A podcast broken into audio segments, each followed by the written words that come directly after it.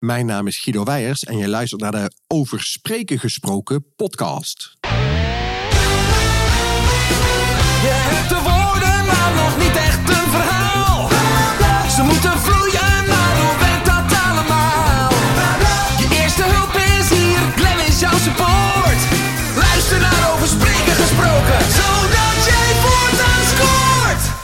Hallo lieve luisteraar, wat fijn dat je luistert naar de Over Spreken gesproken podcast. Samen maken we korte metten met plankenkoorts en leren we spreken met meer impact.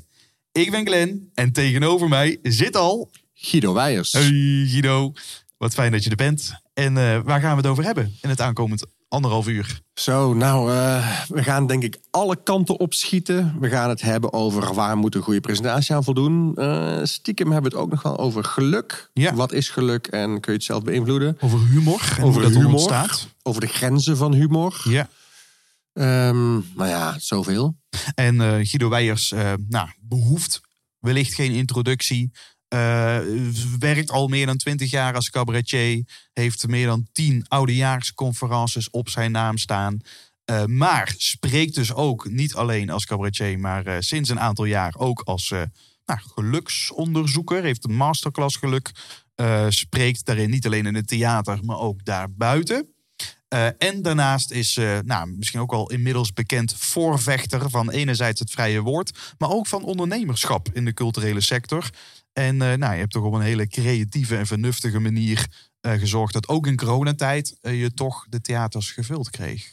Ja, spreken kan in allerlei vormen. Nou, luisteraar, als je dit hoort, zet je schrap. En hier gaan we met de aflevering, het interview met Guido Weijers. Bla bla. Nee, je zei net tegen mij, dit wordt mijn slechtst voorbereide podcast. Ja, dat klopt. Omdat? Ja, omdat, omdat, ik, omdat we vanochtend Ja. Eh, de in, eh, eh, het idee kregen om samen te komen. Ja. En met het idee, we zien wel of we iets gaan opnemen. Ja. En niks moet, want ik heb vakantie. Ja. Ehm, maar het was een leuke middag en we nemen nu ook meteen een podcast op. Ja, Tegenover mij zit... Guido Weijers. En de introductie hebben ze al gehoord. Want die eh, nemen ja. we dan straks op. Oké, ze Normaal weten ook gewoon dat jij Glenn heet. Ja, ze weten dat ik eh, Glenn heet. Wat, eh, wat, wat neem jij mee van vandaag? Als je terugkijkt Oh, van, op... eh, van onze dag samen. Ja. Ehm, nou, dat het spontaan is. Dat je, eh, wat ik meeneem is dat ik van mensen hou die dan gewoon zeggen... Oh, maar twee uur rijden is niet ver hoor. Hè, dus want ik zei tegen jou, ja, je hoeft niet speciaal helemaal hier naartoe. Oh, maar ik ben zo daar. In Nederland is alles dichtbij. En dat roep ik al twintig jaar tegen iedereen. Ja. Maar als ik naar een theater eh, rijd en ik moet s'avonds nog naar huis, dan. Joh, als je in Amsterdam bent, dan zeg je: moet je nog helemaal naar Breda? Ja. Terwijl ik denk, dat is een uurtje rijden, joh. Ja. Weet je, Nederland is helemaal niet zo groot. Maar twee uur rijden is natuurlijk wel iets meer. Dus, ik, dus wat neem ik mee? Dat jij in ieder geval een persoon bent die zich niet laat afschrikken door eh, kleine barrières. Als dat een uurtje langer duurt. Ehm, en we hebben gewoon een super relaxed dag gehad. En ja, wat ik meeneem, het allerbelangrijkste van de dag, is Oh natuurlijk dat ik inmiddels op, nou ik check het heel even terwijl we inmiddels op ehm 1400, 14.806 stappen zit. Want we hebben ook een eh, lange wandeling gemaakt. Kijk, Ja, de stappenteller is trots op ons. nou ja, dat zijn toch de dingen die er te doen in het We leven. hebben onze punten gespaard. Ja, precies dat. Wat, eh, als, wat betekent humor voor jou? Ehm, ik wou zeggen, een verdienmodel. maar dus, nee, dus helemaal, helemaal niet. Nee, humor is gewoon. ehm, humor is, is de smeerolie van de samenleving. Humor is een, een relativeringsmethode. Hoe, hoe vervelender de gebeurtenissen in mijn leven, hoe harder de humor of hoe meer wanhopig ik op zoek ga naar humor. Ja. Ehm, humor is voor mij ook echt een, een groepsdingetje. Ehm, mensen lachen letterlijk in een groep 30 keer sneller dan wanneer ze in hun eentje op de bank naar een film kijken. Ja. Dus het is ook een sociaal iets. En humor zegt iets over hoe iemand in het leven staat. En als je dezelfde soort humor hebt of dezelfde humor leuk vindt, dan heb je ook wel snel een klik met mensen. Dus dat vind ik wel, eh, dat is wel humor Ja. voor mij. Ja. Je zegt nu net, eh, dat vind ik al meteen wel interessant. eh, humor, ons is een sociaal gegeven. Ja. Want mensen lachen veel sneller met elkaar in Ja. plaats van. En ik kan me voorstellen, nu in, in de anderhalve meter theatersetting heb je dat wellicht aan een lijf ondervonden. ja, is niet te doen. Hoe, hoe, komt dat? Ehm, ja, ik denk letterlijk, daar, daar waar je mee omgaat, word je mee besmet. Eh, eh, eh, als je mensen om je heen ziet lachen, word je zelf ook vrolijker. Sterker nog, ehm, dat zul jij in je NLP-trainingen gehad hebben. Als jij de telefoon opneemt met een glimlach, dan hoort degene aan de andere kant van de lijn dat jij een glimlach hebt. Ja. Hoe kan dat? Ja, blijkbaar zit er biologisch iets in ons dat het fijn vindt als de ander sympathiek is of het goede met je voor heeft en, en een lach ja, eh, symboliseert dat misschien wel. Ja. Dus eh, het, is heel, het zijn hele basic wetten, maar als je in een theater de stoelen niet naast elkaar zet, maar bijna in een kring, ja, dan zie je de mensen links en rechts naast je lachen, dan gaat de zaal in zijn geheel harder lachen. Is dat erom dan de Schouwburg af en toe altijd licht, licht gebogen is? Zeker, ja. Dat is gewoon, eh, dat is ook voor de zichtlijnen natuurlijk lekkerder. Maar oprecht eh, denk ik dan dat, dat humor werkt. Als je mensen ziet lachen, ga je zelf mee. Ja. Dus ja, met die anderhalve meter was, was niet, te, te- niet te doen. Je moet het een beetje zien als, als domino-steentjes die, je die je steeds verder uit elkaar zet. Ja, op een gegeven moment, als je er dan eentje omtikt, dan valt de volgende niet meer om. Ja, dus het valt dood eigenlijk. Ja. Hè? Dus ik, heb Ja. ik, weet niet of dat met jou was of iemand anders, maar dat hè, je alsof je een soort tennisspel doet. Ja. Als je, je hebt een lach is een Ja. soort golf. Was met mij, ja. Ja, en, en een Ziggo Dome, ik weet niet of, hoe dat dan was. Als je dan, je hebt dan een hele lange golf, zou je kunnen zeggen. Ja. Dat je misschien naast op een andere manier moet timen. Ja, het, is, het is letterlijk, eh, Toon Hermans die zei dat vroeger, van ah ja, dan plaats ik een grap en, die, en de lach begint dan op rij 1 en als een soort golfbeweging, die golf die spoelt naar achteren, die kletst achter tegen de muur van Carré aan en dan rolt die weer helemaal terug voor naar rij 1. Ja, dan moet je eens proberen in het pand in Gorkum voor 50 man. en dat is, gewoon, dat is gewoon minder een golfbeweging. Maar in Carré is dat fantastisch. En, en eh, in het Ziggo Dome, eh, als, het, als het echt een galmbak zou zijn, zou dat weer nadelen hebben. Maar het Ziggo Dome is gelukkig ook zo gebouwd dat het qua geluid echt fantastisch klinkt. Dus je hoefde eigenlijk helemaal niet zoveel eh, rekening te houden met de snelheid waarmee je praat of met die, met die golf. Nee. Ja. Wanneer, wanneer, wanneer ontstond jouw fascinatie van dit fenomeen, dit humor-ding? Mm, ik denk in eh, 1989, of in ieder geval rond die tijd, toen ik een jaar of 11, 12 was. Toen eh, zag ik Joep van het Hek, oudejaarsconferentie op televisie. Toen zag ik Herman Vinkers op televisie. Mhm. Echt een beetje de oude garde. En, en die zag ik iedere keer dat ze een zaal van 500, 600 man echt helemaal uit hun plaat lieten gaan. En, en eh, toen ben ik ook een paar keer zelf gaan kijken in het theater. Daar ben ik met mijn ouders meegegaan. Die hadden een theaterabonnement. En dan, ja, theater heeft toch iets magisch. Dat Ja. gewoon 500, 600 man hun tanden poetsen, schone kleren aantrekken. allemaal een avondje uitgaan. Om, en dan gaan ze naar één iemand luisteren. En wat hij te vertellen heeft is dan zo interessant dat het soms muisstil is. En dat, dat hij mensen kan verbazen en mensen kan verwonderen. En soms met z'n allen in een soort. Ja, eh, eh, een soort. eh, ja, dat, het, dat de timing tegelijk is, dat iedereen tegelijk lacht. Dus het is een soort ehm, ontspanning of zo die ineens door een zaal gaat. Ja, een dat- ontlading. Een ontlading. Ja. Ehm, dat is oprecht. ehm, kan ik daar nog steeds van genieten. Ik sta nu twintig jaar op een podium, maar mensen denken soms dat als ik een grap maak en ik sta daarna zelf te lachen, dus ja, hij lacht om zijn eigen grapjes. Nee, dan lach ik niet om mijn eigen grap, want die grap die ken ik al. Ja. Eh, maar dan lach ik nog steeds om de reactie. Als ik dan een vrouw in de zaal hoor schaterlachen, daar kan ik dan zo van genieten dat ik zelf toch ook wel weer eh, daarvan in de lach schiet. Ik zie jou Ja. kniffelen. Ja, maar er is, dus dat went nooit. Ja. Er zijn weinig dingen die. Weet je, kunt als je elke dag eh, bier drinkt, op een gegeven moment moet je eh, eh, twintig biertjes meer drinken, omdat je anders niks meer voelt. Maar lachende mensen, voor mij wendt dat nooit. Dat is heel lekker. Ja. Grappig. Ik, het zijn meerdere lijntjes die in boven komen. Wat ik vooral heel erg wat ik mooi vind. Is dat mensen zich van. Dat, daar had ik discussies vroeger over in de coulissen. Dat dan. Daar grapten we dan over dat dan zeker de oudere. Hè, De oudere man, vrouw, die doste zich helemaal uit om een dagje uit in het theater. Om dan de hele avond Ja. in een zwarte box te gaan te zitten. Zonder dat iemand je ziet. En je denkt, je waarom, wat. waarom zou je jezelf gaan uitdossen terwijl dat niemand je ziet? Maar het is wel Ah, dat is mooi. een goeie, zeg. Weet je dat ik er nog nooit zo over na heb gedacht? Echt? Ja. Ja. Nee, want ja, eh, het is letterlijk. ehm, wij kijken tegen ehm 10.000 watt aan lampen in of zo, misschien nog wel meer.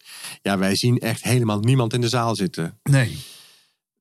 Eh, dus ja, de- je kunt inderdaad wel in je zondagse pak naar het theater gaan, maar de cabaretier zelf zal er niet zoveel aan hebben. Precies, precies. Misschien in een foyer tijdens eh ja. het momentje bij de garderobe. Ook Hè, belangrijk. Je wilt toch goed voor de dag komen. Ja. ja, en misschien kom je wel andere mensen uit het dorp ook tegen. Dat was vroeger was het natuurlijk een hele gewoon een aangelegenheid, net zoals naar de kerk gaan. Dat trok, trok, trok de Nou. vader toch ook wel de slip eh, om. En nog steeds wel. Als, je, als ik optreed in het Benelux Theater in Berlicum... ja. dan, dan loopt het dorp gewoon uit als Oh ja. Guido Weijers daar speelt. Nou, dat, en dan is dat gewoon de... Ja, daarna is de borrel. Ja. Ja, dat is een soort derde ronde Zeker, na de voorstelling ja. van Guido Weijers. Ja, en dan moet je natuurlijk wel eh, Er goed ja, uitzien. er goed uitzien voor iedereen. Ja. Hey, en je, je noemt hè, humor, dat, dat wendt nooit. En ik heb me ook al een keer laten vertellen dat humor, eh, of althans mensen laten lachen, dat, dat, dat is een, een van de meest moeilijke emoties om te forceren.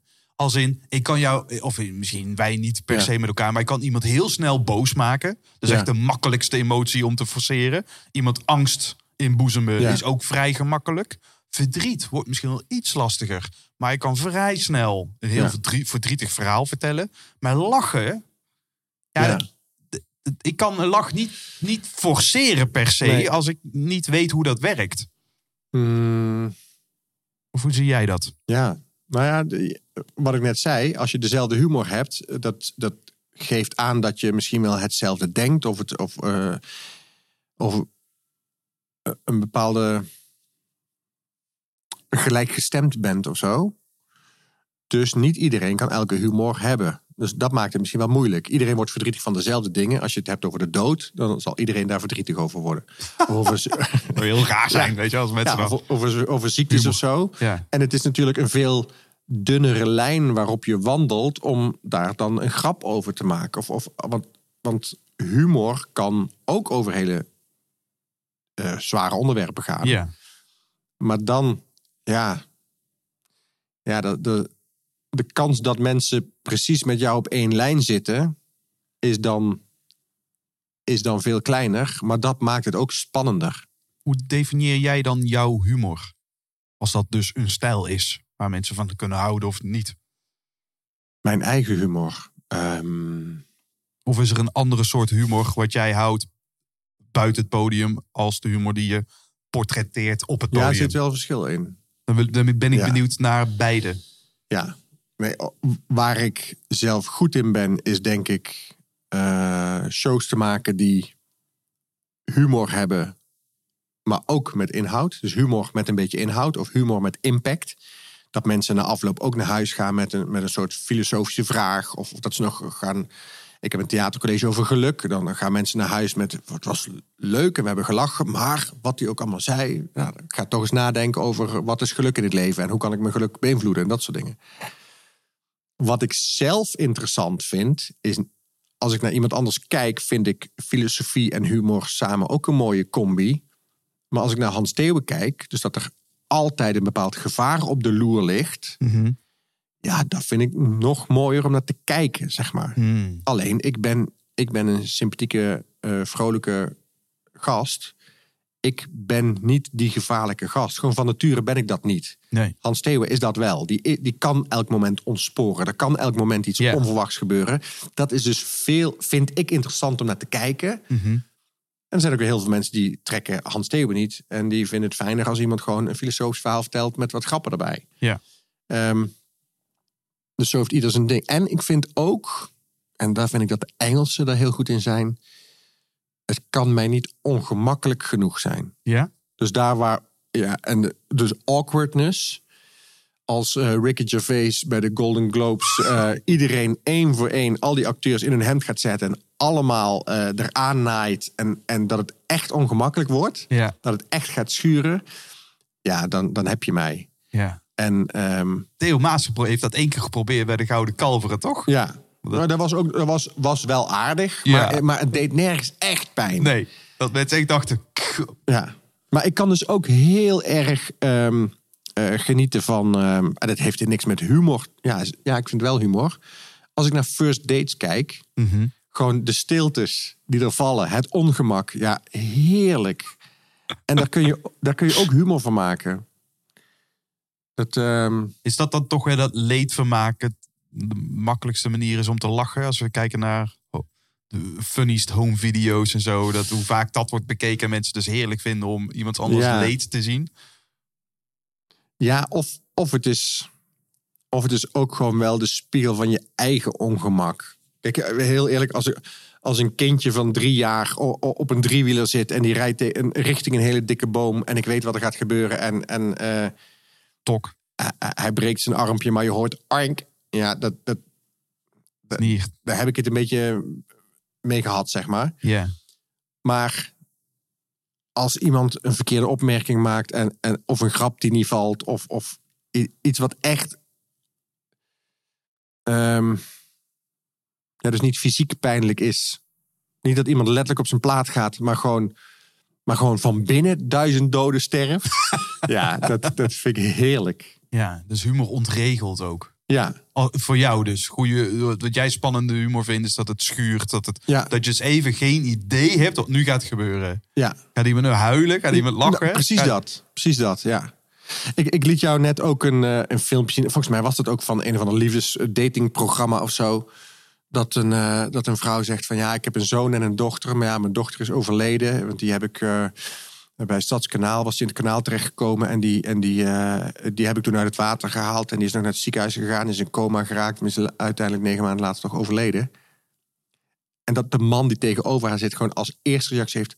Oh, dus jij komt uit de buurt van Stadskanaal. ja. Veeg mij maar op. Dat is, dat is de empathie van een, van een, van een, van een hooivork. Wat, wat ben jij voor een, voor een gast? Zeg op zijn minst, wat een heftig verhaal. Ja. Of, jeetje, eh, oh, ik schrik hier even van. Of eh, geef het even een plekje en, en ga dan in zin drie ergens zo oké, en, eh, dus je komt ergens. Maar Dat dat de het reactie is. van communicatie tussen... Ja. Ja, maar ik kan het Het is dus voor die kijken, vrouw echt super pijnlijk. Maar daar, daar ontstaat dus, doordat, on, doordat wij dat ongemak zo voelen. En je denkt Ja. van, hoe dan? Maar ik vraag me ook af of iedereen, of iedereen dat ongemak voelt. Ja, Want dat is een goede vraag. Jij, jij hebt eh, spreken als beroep. Ik heb spreken als beroep. Wij zijn communicatief, zijn we gewoon sterk genoeg. Dus, dus ons valt het op als iets communicatief totaal de plank mislaat. Alleen, ja, misschien... Misschien, Misschien dat, heeft die man ook wel gewoon een cursus gehad. Hoe, hoe doe ik dit? En dat dan, dat er is, het is belangrijk dat je vragen stelt. Ja. Dat je vra en dus hij zit te luisteren en hij zegt: "Oké, Ik heb een haakje nodig. Je moet even Ja. zo meteen een vraag stellen. En dan was zo. Wat was het? De stad, Capelle? Stadskanaal. Stadskanaal. En hij denkt: Oh, dat is het haakje. Dat is het haakje. En het probleem is, als we de intentie hebben om te reageren, stoppen met luisteren. Mhm. Dan zat hij die hele dood en die verdrinking helemaal niet heeft gehoord. Hij zegt: Zo, dus jij komt uit eh Stadskanaal. Maar dat is, dat is humor. De Ja. humor is ook gewoon dat je dat dan... Dat het of te lomp is of te overdreven... of, of iets wat je niet verwacht. Het verkeerde been, dat is ook altijd, altijd humor. Als, Ja. je, als je zegt, eh, ik, was laatst in Berlijn... en ik zette mijn fiets tegen de muur, kwam ik terug, weg muur. Dat is, dat is, dat is het verkeerde been. Hè? Ja. Ja, die is van Herman Vinkers. En Herman Vinkers zegt letterlijk... ik geloof eh, vijf minuten later in zijn show of zo... zegt hij... eh, en ik sta in de keuken, ik schenk mezelf een borrel in, de telefoon gaat. eh, ik heb een telefoongesprek, ik kom terug in de keuken. En nu weet ik toch zeker dat ik de borrel op het aanrecht heb gezet. Maar waar ik ook kijk, geen aanrecht. En dat is exact, dat is weer het verkeerde beengrapje. Ja. hè. Je verwacht het een en, en hij zegt het ander. En toch, drie minuten later, lach je er weer om. Ja. Met andere woorden, hetzelfde, hetzelfde eh, systeempje, maar je lacht er weer om. Ja. Het is, het is als, als, alsof je chocolaatje eet of een snoepje. Het is niet dat je het snoepje niet kent, maar het effect daarvan is steeds hetzelfde. Ja, ja. Je kan het niet niet voelen of zo. Nee, en, en Herman Vinkers heeft zijn timing dan ook zo voor elkaar... Ja. Dat, je, dat je hem zelfs drie minuten later toch net niet voelt aankomen. Ja, dat, dat, dat doet hij natuurlijk meesterlijk. Ja. Dus we horen hier al een paar ingrediënten van, van humor. En, en, en dat is natuurlijk een van de onderwerpen die ik met jou wil ontleden. Met dat je twintig jaar daarmee bezig bent geweest. Eh, als ik naar de beste sprekers van Nederland kijk, Mhm. dan niet allemaal hoor, maar heel veel sprekers hebben het vermogen om het publiek ook te laten lachen. Ja. Waarom? Omdat je dan juist, als je kan ontladen, kun je ook laden. En dat is natuurlijk gaaf als je als spreker de dynamiek opzoekt tussen het conflict. Met, en, en Hans Theeuwen noemde je net al, die doet dat heel erg Ja. scherp en heftig. Maar als je alleen maar de goedzak bent, dan hè, een aaibaar, dat is niet spannend. Nee. Dus je wil ergens daarin bewegen als, eh, als, als persoon. Ik Ja, zie jou- nu- zie maar nu jou denk ik ook dat eh, als je een goede spreker bent, moet je ook het vermogen hebben om eh, het vak docent te ontstijgen. Mhm. Want je komt natuurlijk eh, kennis overbrengen, maar wat onderscheidt nou eh, iemand? eh, ja, wat onderscheidt de, de jongens van de mannen, is dat de mannen meerdere technieken hebben om hun publiek in vervoering te brengen. En als je alleen maar droog je stof kunt overbrengen, ja, dan, dan. Er zijn ook hele grappige leraren, maar dan ben je gewoon alleen maar mensen dingen aan het leren. Ja. En als je, als je een goede spreker bent, dan kun je en mooi verhalen vertellen en goed uitleggen. En daar hoort humor ook bij, want dat is ook een emotie. Waar, ja, dat is één van de dingen in je gereedschapskist dan. Ja. Zie jij dat ook zo als maker als je kijkt naar bijvoorbeeld jouw masterclass over geluk? Eh, zie je dat dan omdat dan humor niet de, het, de hoofdrolspeler is, zou je Ja. kunnen zeggen, van jouw presentatie? Eh, wa- wat zijn dan de dingen die in jouw gereedschapskist zitten? Dat je denkt, oké, ik kan dat gebruiken, ik kan dat gebruiken. Ehm, nou, dat was toen ik met, met dat theatercollege over geluk begon nog best een moeilijke vraag. Want no- normaal gesproken is het humor met een beetje inhoud. En ik wilde dat het nu inhoud zou worden met een beetje humor. Ja. Ehm, maar dat betekent dat mensen dus niet meer alleen maar naar mij mogen komen om te lachen. Want anders zouden ze een verkeerde eh, verwachting hebben. Want dat is die avond niet. Ja. En toen heb ik mezelf wel de vraag gesteld: waarom komen mensen naar mij toe? Of waarom zouden mensen het verhaal van mij moeten horen? En toen heb ik ooit een theorie gehoord dat mensen om drie redenen iets van jou willen aannemen. En eh, dat is of je bent een vriend van ze, of je bent hun voorbeeld, of je bent een autoriteit. Michelle van Goetem. Oh, het zou zomaar kunnen Ja, dat ik het ja, dat is Ja. haar eh, model, ja.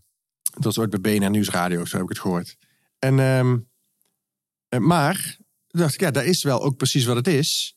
Ehm, Guido is die vrolijke, die vrolijke eh, gast, hè, die sympathieke gast. En dat, dat kan een maatje van je zijn, dan kun je er samen mee lachen. Ja. Maar dan hoef je nog niks van hem aan te nemen. Dus Ja. daarvoor ga je nog niet naar het theater. Daarvoor ga je nog niet. eh, daarom moet hij nog niet per se over het onderwerp geluk iets wetenschappelijks vertellen. Is Guido een voorbeeld? Nou ja, ik weet, mensen hebben helemaal geen idee of ik nou gelukkig ben of niet, of waarom ik daar goed in zou zijn of niet. En ik ben ook geen autoriteit op dat gebied. Mm, Mensen, nou ja, je bent in ieder geval autoriteit als het gaat over naar het theater gaan en mensen. Ja. eh, het thea- eh, een podium longt. Je, staat als het, je bent significant op dat moment. Dus zien Ja. mensen jou al. ja, maar ze weten dat ik goed kan vertellen. Maar waarom het onderwerp geluk? Nee, dat Geen weten idee. ze niet. Nee. Dus ik heb gedacht, ik moet aan die dingen Werken. werken. En vooral aan die autoriteit. Ja. Want ik wil een Wie ben jij nou om over geluk te praten? Precies. Dus ik ben naar Bhutan geweest om daar het bruto nationaal geluk te bestuderen. Ik heb dan met de overheid gesproken, want de overheid heeft daar het systeem eh, dat ze alle beslissingen die ze nemen, nemen ze met in hun achterhoofd de vraag: wordt onze bevolking hier gelukkiger van? Hm. Interviews gehouden. Uiteindelijk eh, was het heel interessant, maar bijna niet op de Nederlandse maatschappij te projecteren. Eh, ik heb bij de Erasmus Universiteit eh, heb ik eh, modules gevolgd en ik ben inmiddels alumni op de Erasmus. Grondslagen van geluk, de, ehm, eh, eh, de, het rendement van geluk. Ik heb allemaal van die, van die cursussen gedaan. En ik heb natuurlijk zelf ook gewoon al twintig jaar lang, eh, vind ik zelf hulpboeken. En, en, eh, de- Je hebt een fascinatie over het thema. Precies, ja. Dus de, de, de, wat Wayne Dyer eh 30 jaar geleden al schreef met, wat was het, de, de, de- niet morgen maar nu en allemaal dat soort boeken, heeft me altijd gefascineerd. Ik denk, nou, dat bij elkaar moet mij autoriteit geven. Ja. En natuurlijk gewoon ook de inhoud. Het moet gewoon goede inhoud zijn. En dan merken mensen na een half uur wel... oh ja, het zit ook echt goed in elkaar. Het is ook echt theoretisch. Het is ook echt onderbouwd. Ehm, dus die autoriteit die bouw ik dan wel langzaam op tijdens het praatje. En ze weten wat ik heb bestudeerd.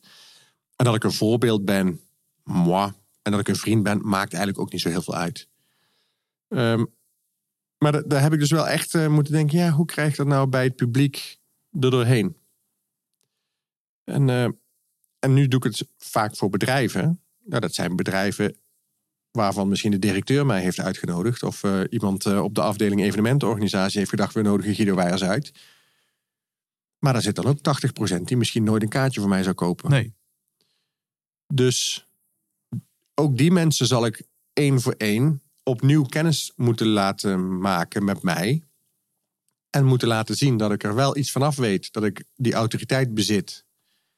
En in het begin had ik letterlijk ook eh, altijd een jasje aan. Altijd nog eventjes een, ehm, hoe heet het, een, een desk op het eh, podium gezet met Ja. een laptopje. Zodat mensen ook echt zagen dat ik een soort eh, keynote aan het geven was. Deed je dat bewust op die manier? Om, Heel om, zo- om een soort keynote setting te creëren? Ja, zodat ze echt zagen, het is geen cabaret. Ah ja, want een cabaret heeft niet zo'n zo'n stand, sta- stand, hoe noem je dat ook alweer? Zo'n, Ja, eh, gewoon zo'n zeiltje hè, ja, waar, waar je op laptop zet. op. Dat Ja. klopt dan niet. Dat is niet des. Nee, en, en, dan, eh, dus, dus zorg maar dat, dat alles eromheen, voor die, voor die vorm, eh zorgt dat mensen toch, ja, al is het maar onbewust, weten dat ze iets anders krijgen dan normaal. En dit, en dit is denk ik wel bij uitstek een mooi voorbeeld. Omdat dus mensen geen kaartje kopen voor Guido Weijers. Maar een, eh, dus een, een masterclass of een Ja. lezing krijgen.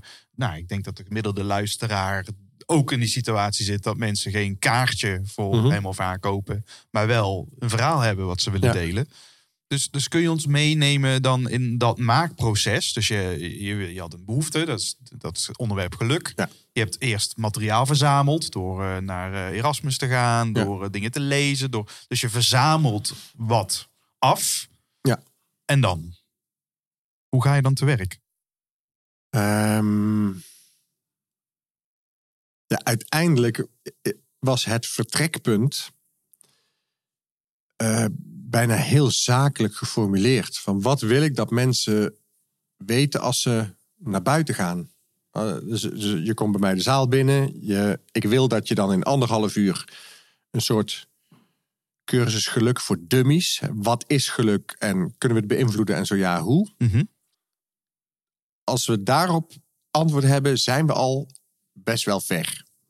Jij weet ook, als, als mensen na een uur praten eh, eh, drie of vijf dingen echt goed onthouden hebben van je. En je zet ze ergens aan tot actie, dan heb je het echt goed gedaan. Ja, dat is wel een goede score, ja. Ja, dus je kunt beter een, een, eh, een simpel verhaal heel goed uitleggen dan 100 uur aan materiaal proberen in anderhalf uur te stoppen. Ja, maar dat, dat is al uitdaging één. Want het feit dat jij dus al allemaal boeken hebt gelezen, naar Erasmus bent gegaan. dus je verzamelt werk. En uiteindelijk heb Ja. jij veel meer content, zou je kunnen zeggen. Ja. dat je kan proppen in, in zo'n uurtje. Ja. De grootste probleem voor veel sprekers is sprekerspijn. Namelijk dat we dus denken dat we de plek waar wij staan als met de expertise die we hebben, dat Mhm. we vanaf dat vertrekpunt gaan delen. En dan raken we Ja. natuurlijk binnen een paar minuten ons publiek hopeloos kwijt, want die staan helemaal niet op dat punt. Je wil niet weten hoe vaak ik bijvoorbeeld, eh, dan ben ik uitgenodigd ergens op een avond die georganiseerd is over het onderwerp geluk. En dan ben ik niet de grote deskundige, maar ik heb toevallig mijn theatercollege over geluk. En er zit naast mij een wetenschapper die alles heeft onderzocht, die professor is en bla bla bla. En dan wordt hem een vraag gesteld. Ja, en dan merk ik toch dat zij vaak vastlopen in veel te veel eh, eh, details willen geven. Zij halen er nog zes andere onderzoeken bij die misschien eigenlijk helemaal niet relevant zijn, maar die in hun achterhoofd nog wel ergens een linkje hebben. Dat ik denk, ge- gewoon pak gewoon de basis. Wat wil je vertellen? En, en bij mij was het heel simpel. Ik wil geluk opdelen in drie verschillende elementen: korte termijn geluk, lange termijn geluk en zingeving. Eh, je hele leven moet eigenlijk aan die drie dingen voldoen. Hè. Dus je moet vaak genoeg eh, leuke dingen doen voor jezelf. Dus dat, dat is letterlijk eh, chocola eten, eh, koekje eten, sigaret roken, nieuwe schoenen kopen, seks hebben. Dus dat korte zijn termijns geluk. korte momentjes. termijn geluk. Je moet je leven een beetje op de rit hebben. En dus die langere termijn geluk. Dus je moet, als je een fijn salaris hebt, je hebt een stabiele relatie, je, je lichaam doet een beetje wat je wil, dan heb je een goed leven. Hè? Dan, dan hoef je eh, weinig zorgen te maken. Je vertaalt het volgens mij ook mooi naar het uitblijven van crisis. Ja, Dat is, eh, tevredenheid komt voort Ja. uit het uitblijven van crisis. Zeker. Ja. Ik, ik, vertaal hem zelf ook eh, vrij. eh, het is een vrij ruime vertaling met het woord tevredenheid. Ja. En ten derde, ja, je kunt zelf wel elke dag een snuifje kook nemen. Of, of sigaretten roken. Of een nieuwe schoenen kopen. Of chocola eten. En je kunt zelf wel je leven wel goed voor elkaar hebben. Maar als je straks op je sterfbed ligt en het ging alleen maar om jou. Ja, wat had, wat had het leven voor een zin? Ja, blijkbaar op lange termijn zijn mensen toch het gelukkigst als ze ook iets doen voor mensen om zich heen of voor een betere planeet. Dus zingeving is die derde eh, schakel die noodzakelijk is voor lange termijn geluk. Nou ja, dus eigenlijk, wat ik, ik zeg dit nu in anderhalf minuut tegen jou.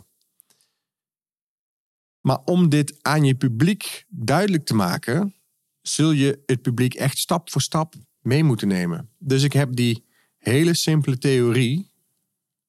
Als ik dit in mijn voorstelling vertel, dan doe ik hier een half uur over. Oké. Dan ga ik namelijk eerst de vraag vragen stellen aan het publiek. Wat is geluk? Dan kom ik erachter dat zij daar het antwoord niet op hebben. Ze roepen wel van alles. En ze roepen oh, tevredenheid, gezondheid. Oh, eh, met mijn eh, kleinkinderen op het terras zitten in de zon. En dat is allemaal, klopt ook allemaal.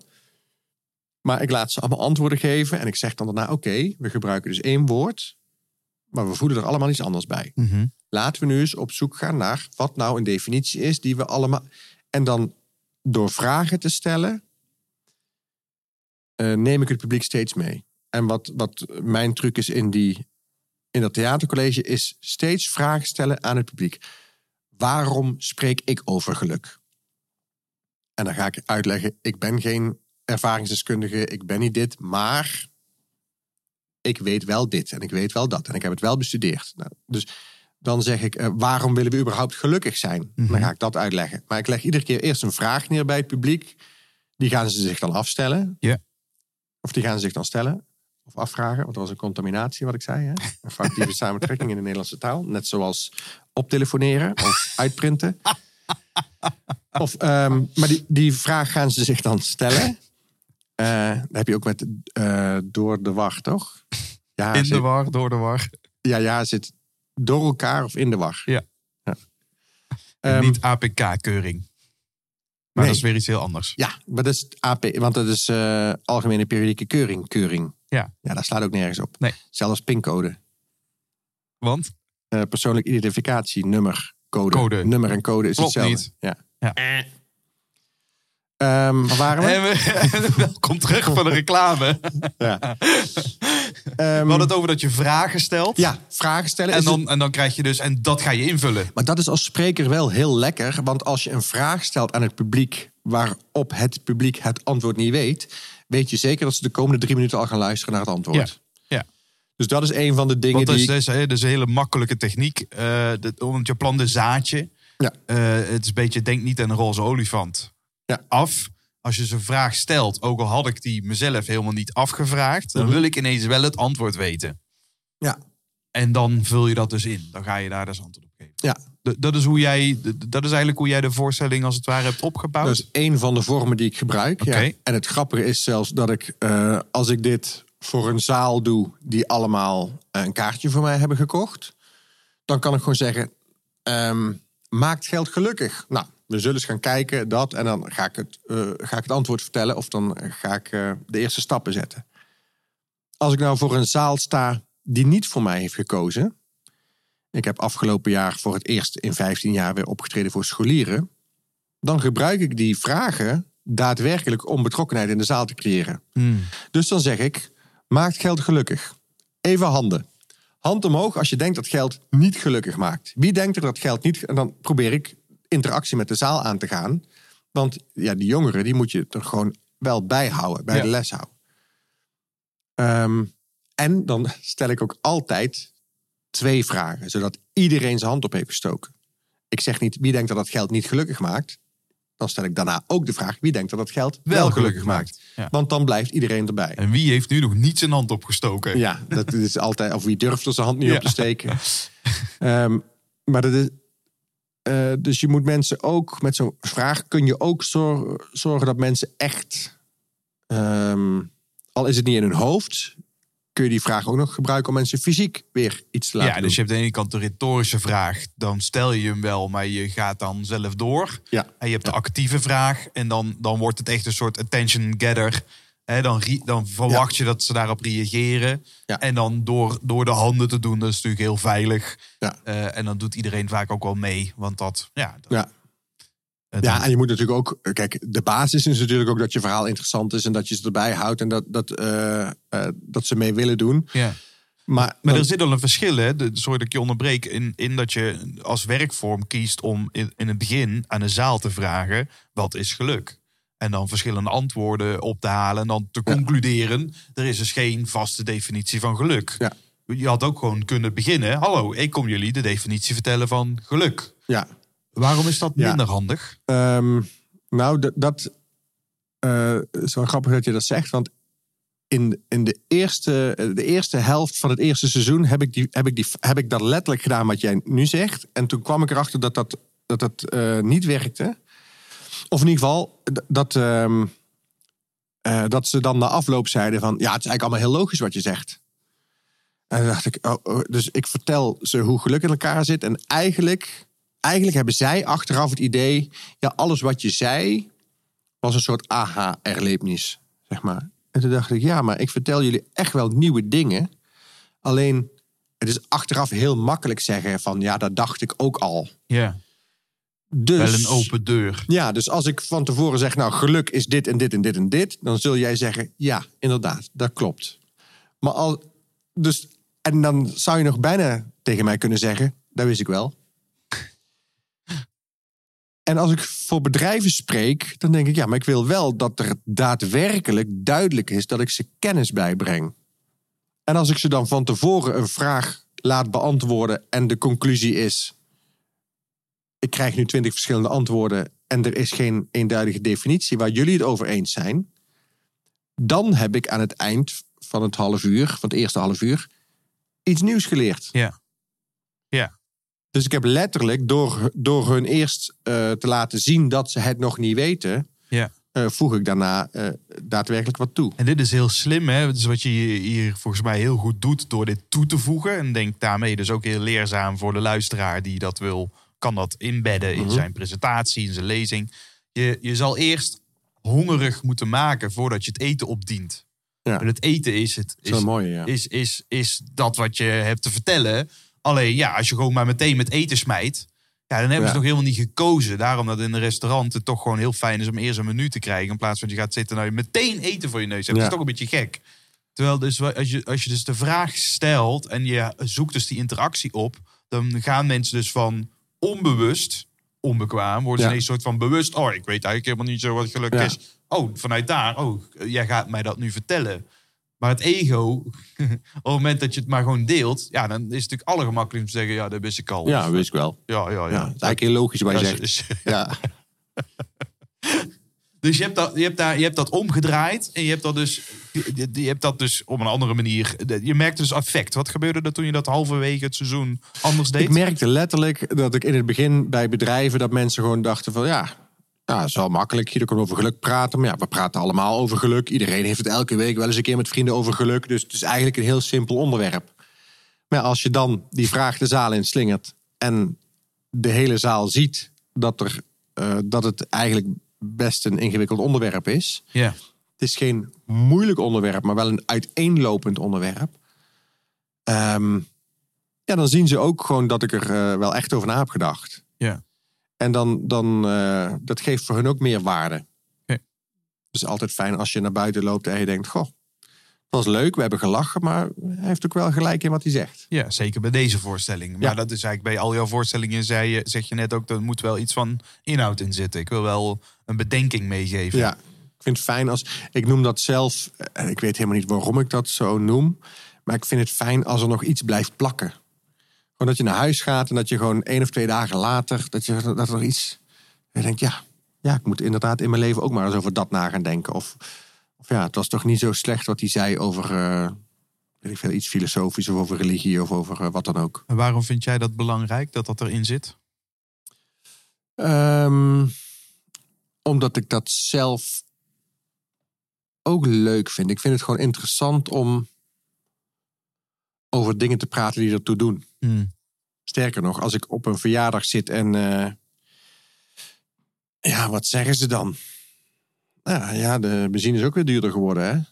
Ja. Ja, tenminste, als, je- vooral als je op de snelweg denkt. Op de snelweg is de benzine toch eh, snel, snel ja, een, ja, eh, toch wel, eh, nou, een dubbeltje ja. duurder. Het ook, eh, Dan eh, in het. eh, ja, nou, op zich, is een dubbeltje nou. Goed, Ja. maar op een volle tank scheelt het toch al snel eh 7 ja, euro. je weet ook met de regen dat dat toch weer eh, ja, veel Ja. wateroverlast eh, maakt. Hè? Ja. Ja, Ik haak heel snel af bij dat soort gesprekken. Ja. Terwijl, de, Heb je terwijl het je kunt. me- van juf Annie? ja, ja, dat is, Juf Annie? is oud geworden, hè? Zo. Ja. Ja, niks, mee, niks mee gebeurd. Ja. Oh, niks meer gehoord. Nee. Nee, maar ik, ik, ik kan dus niet. Ik kan dus niet enthousiast zijn over de nieuwe visgraatvloer bij vrienden van me. Weet je, want dat interesseert me. Ja, zij hebben nu een nieuw huis gekocht, hebben een droom verwezenlijkt. Er is nu één vriend die huilend deze podcast stopzet. Ja. Vind je de stalen kozijnen dan wel mooi? maar, eh, nee, maar het is allemaal heel leuk. Maar het gaat mij erom dat ze dan hun droom verwezenlijken met een nieuw huis. En het gaat mij niet om die visgraatvloer. En, en dat die online dat die goedkoper was dan wanneer ze hem in de winkel hadden besteld. I don't give a shit. Maar als je vraagt waarvan word je gelukkig, waarvan ga je aan, eh, ehm, eh, is er meer na de dood, wat is de dood? Dat zijn onderwerpen die ik interessant vind en daar Ja. kan ik uren over praten. Ja. Dus, dus daarom vind ik het ook leuk om, om met mensen toch ja, die, die, die gedachte eh kronkels dus te volgen. En dan vind ik het ook leuk als. En, en sowieso, weet je, bij 80% van de mensen die gaan naar huis en zeggen: Oh, we hebben echt gelachen. En misschien zal bij 20%, of misschien is dat zelfs nog wel veel, zal er iets blijven plakken.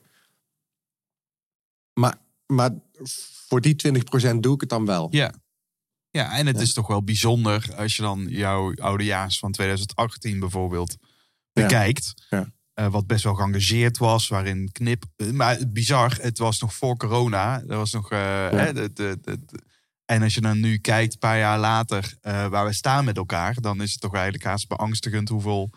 Hoe, hoe die voorstelling zich heeft uitgewerkt. Ja. eh, en hoe, gewoon hoe scherp eh, dat al was. Als het gaat over Ja. we bouwen een soort hek om ons heen.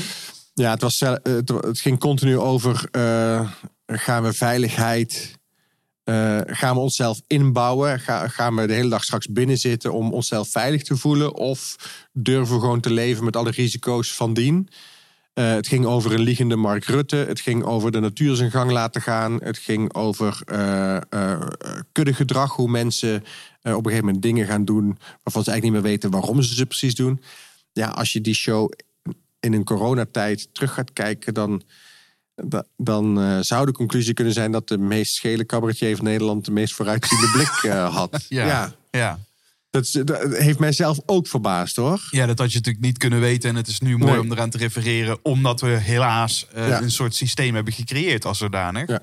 Maar dan ben ik, eh, toen vo- voelde je ergens geroepen om dat als thematiek, als rode draad in jouw oudejaarsconferentie te verweven. Ja. Is dat, maar is dat iets wat dan tot je komt op het moment dat je dan gaat zitten en gaat schrijven? Of is dat iets wat, al, wat je dan al heel lang, wat al heel lang soort van rijpt in je hoofd en je denkt, ja, dit, dit- hier moet het gewoon een keer over gaan? Ehm, nou, ik vond dat toen wel ook al een beetje de tijdsgeest hoor. Dus dat je in dat jaar, volgens mij was toen ook het woord curling-ouder. Ik weet niet of je dat woord kent. Nee. Nou, dat, eh, oh, eh, ik had toen het linkje met de Luizenmoeder. En de Ja. Luizenmoeder was, was in 2018 een heel populair programma. zo 3,5 miljoen kijkers.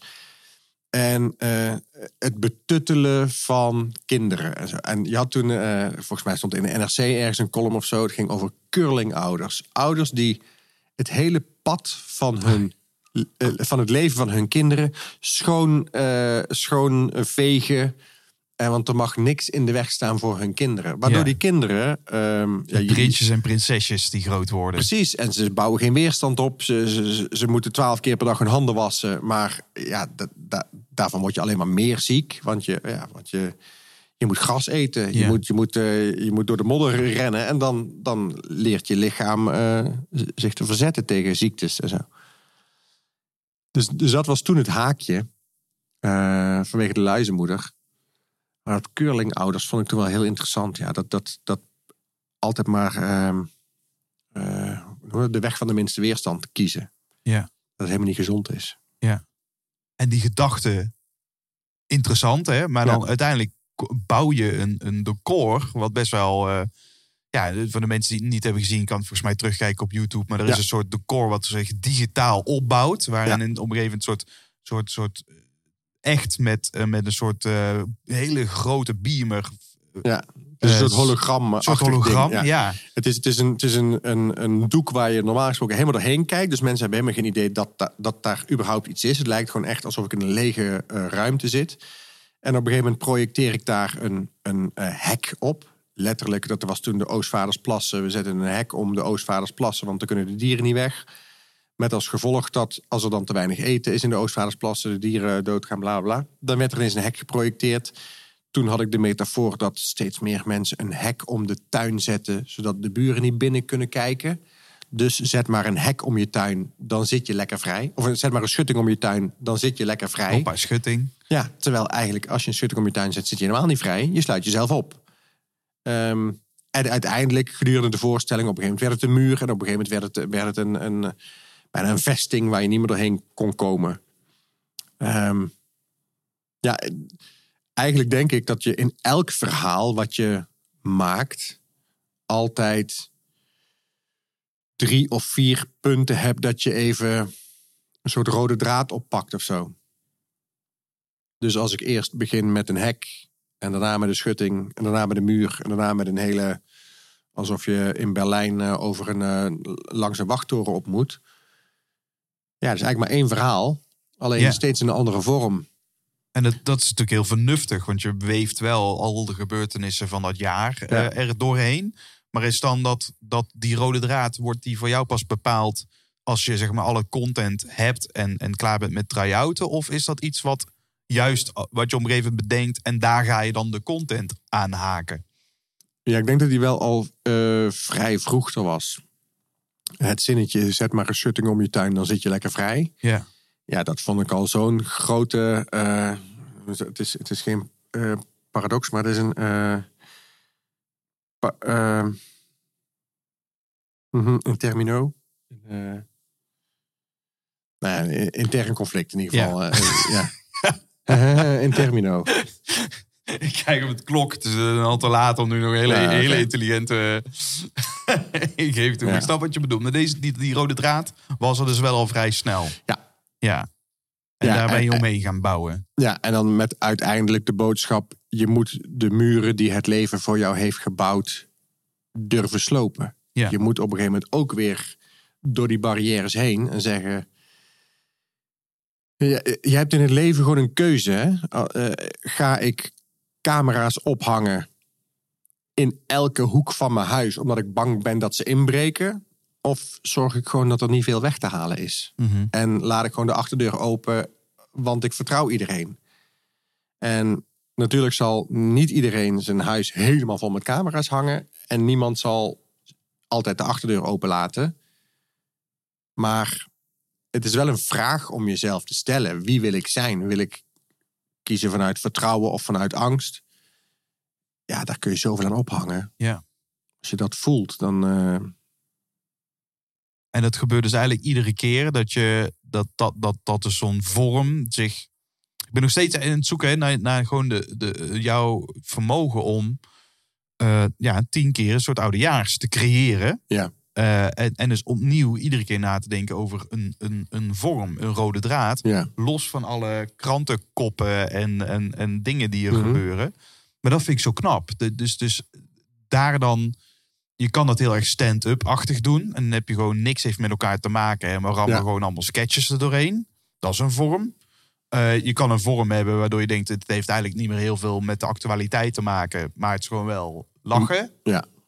Eh, eh, maar er is een vorm te vinden wat eigenlijk heel erg een metafoor... Ik denk dat, dat, dat ehm, Peter Pannenkoek dat nu in de laatste eh, conferentie ook goed heeft gedaan. Mhm. Die op zoek is gegaan naar een paar metaforen, zoals de boot. En dat als Ja. metafoor gebruiken voor wat er in, in de politiek gebeurt. En daar eigenlijk een hele, de, voortdurend terugkomt met bepaalde haakjes. Ja, dan het kapitool. Ja, weet je wel, mooi decor. Ja. Maar, maar hè, dus, dus ook, hoe, wat kun je daarover vertellen? Ik vind, ik vind het wel. ehm, ik vind zelf altijd fijn dat aan het eind het verhaal toch rond is. Mm. En dat hoeft niet eens per se heel overdreven. Of niet elk verhaal hoeft, hoeft ergens mee te maken te hebben. Maar het is fijn, al is het maar als je een presentatie hebt van een uur. Dat je met iets begint. Dat je halverwege of, of, of op, op een derde of twee derde eh, ergens op terugpakt. En dat je aan het eind inlost. Eh, je moet een soort belofte neerleggen en, en, eh, of een soort verwarring zaaien. Of, maar iets moet aan het eind ingelost worden. Dat is ook lekker om naar te kijken. Eh, als, ik, als ik kijk naar ehm, 2020, had ik een voorstelling waarin ik het woord corona nul keer wilde noemen. En dus het eerste uur heb ik corona niet genoemd. En het eerste uur heb ik gewoon midden in, heb ik midden in de voorstelling twee of drie keer de voorstelling onderbroken. Omdat er een, een, dat ineens een, een mug voor me. Die mug nou? Nou, en ik, ja, ik speelde dat er een mug. Ja. Letterlijk in elke zaal dacht 100% van de, van de mensen. Er Dat vliegt een iets. mug- Ja. ja. Sterker nog, als je dat daarmee gaat spelen, kom je erachter dat misschien in 50% van de voorstellingen ook wel ergens een stofje of een vliegje waait. En dan pak ik hem echt. Als Ja. ik hem echt een vliegje zie gaan, of een mug, dan, dan de hele zaal ziet dat. Want ik sta namelijk precies in het licht. Dus als die in die light, eh, in die, in die, in stofdeeltje in die spotlight eh, voorbij vliegt, ziet, zien gewoon, zelfs in een zaal waar 700 of 800 man in passen, zien gewoon 800 man dat daar iets aan de hand is. Maar ook al zat hij er niet, deed ik het toch. Deed ik net alsof er een mug zat. En dat deed ik ongeveer op een derde van de show. Dat deed ik ongeveer op de helft. En dan eh, ongeveer op 75% van de show. Zit die mug weer. Wat, wat, zit die? En dan ging ik achter de coulissen en kwam ik ineens terug met een kanon. En ging ik met, met dat kanon op die mug schieten. En dan komen mensen erachter, oké, dan zal het de eerste twee keer wel geen echte mug geweest zijn. Ja. En dan is de metafoor van ja, we zijn wel hele zware middelen aan het inzetten om eh, corona te bestrijden. We zijn een beetje met een kanon op een mug aan het schieten. Maar het hoeft dus niet, een, niet elk verhaal heeft met elkaar te maken te hebben. Maar het feit dat er dus ergens een lijntje loopt wat een paar keer terugkomt, maakt wel dat je aan het eind voelt dat het wordt ingelost. Ja. En dat levert dus iets op. Dat, Dat- is voor jou, dat, is dat ontspanning, een soort ontlading weer? Is dat... Ah, Ja, dat maakt een het sprookje. Wat, Ja. eh, ja, we kunnen ook weer nu weg. Ja, en dan, dan was het niet alleen maar stand-up. Dan, dan, was, dan had hij ons toch tuk met die mug, want dat was dus maar de metaf was dus een metafoor. Ja. Ik vind dat altijd leuk om. ehm, ja, het, een verhaal of een gedachte of een metafoor mee te geven. En hoe ontstaan die gedachtes, die metaforen voor jou? die moeten gewoon authentiek zijn. Dus ik had letterlijk eh, eh, bij corona heb ik altijd gedacht van ja, ja, de hele samenleving platleggen voor een relatief kleine groep, hoe erg het voor die kleine groep zelf ook is. Ik, ik vond dat ook wel echt met een kanon op een mug schieten. Ehm, en zodra dat authentiek is en oprecht, denk ik dat dat ook een goede boodschap eh, is. Ehm, en met, met, eh, dus een paar jaar eerder, eh, toen ik het had met die, met die muren en jezelf opsluiten. Ja, dat Ja. is iets wat, wat op dat moment zie ik dat heel veel mensen kiezen uit een bepaalde angst.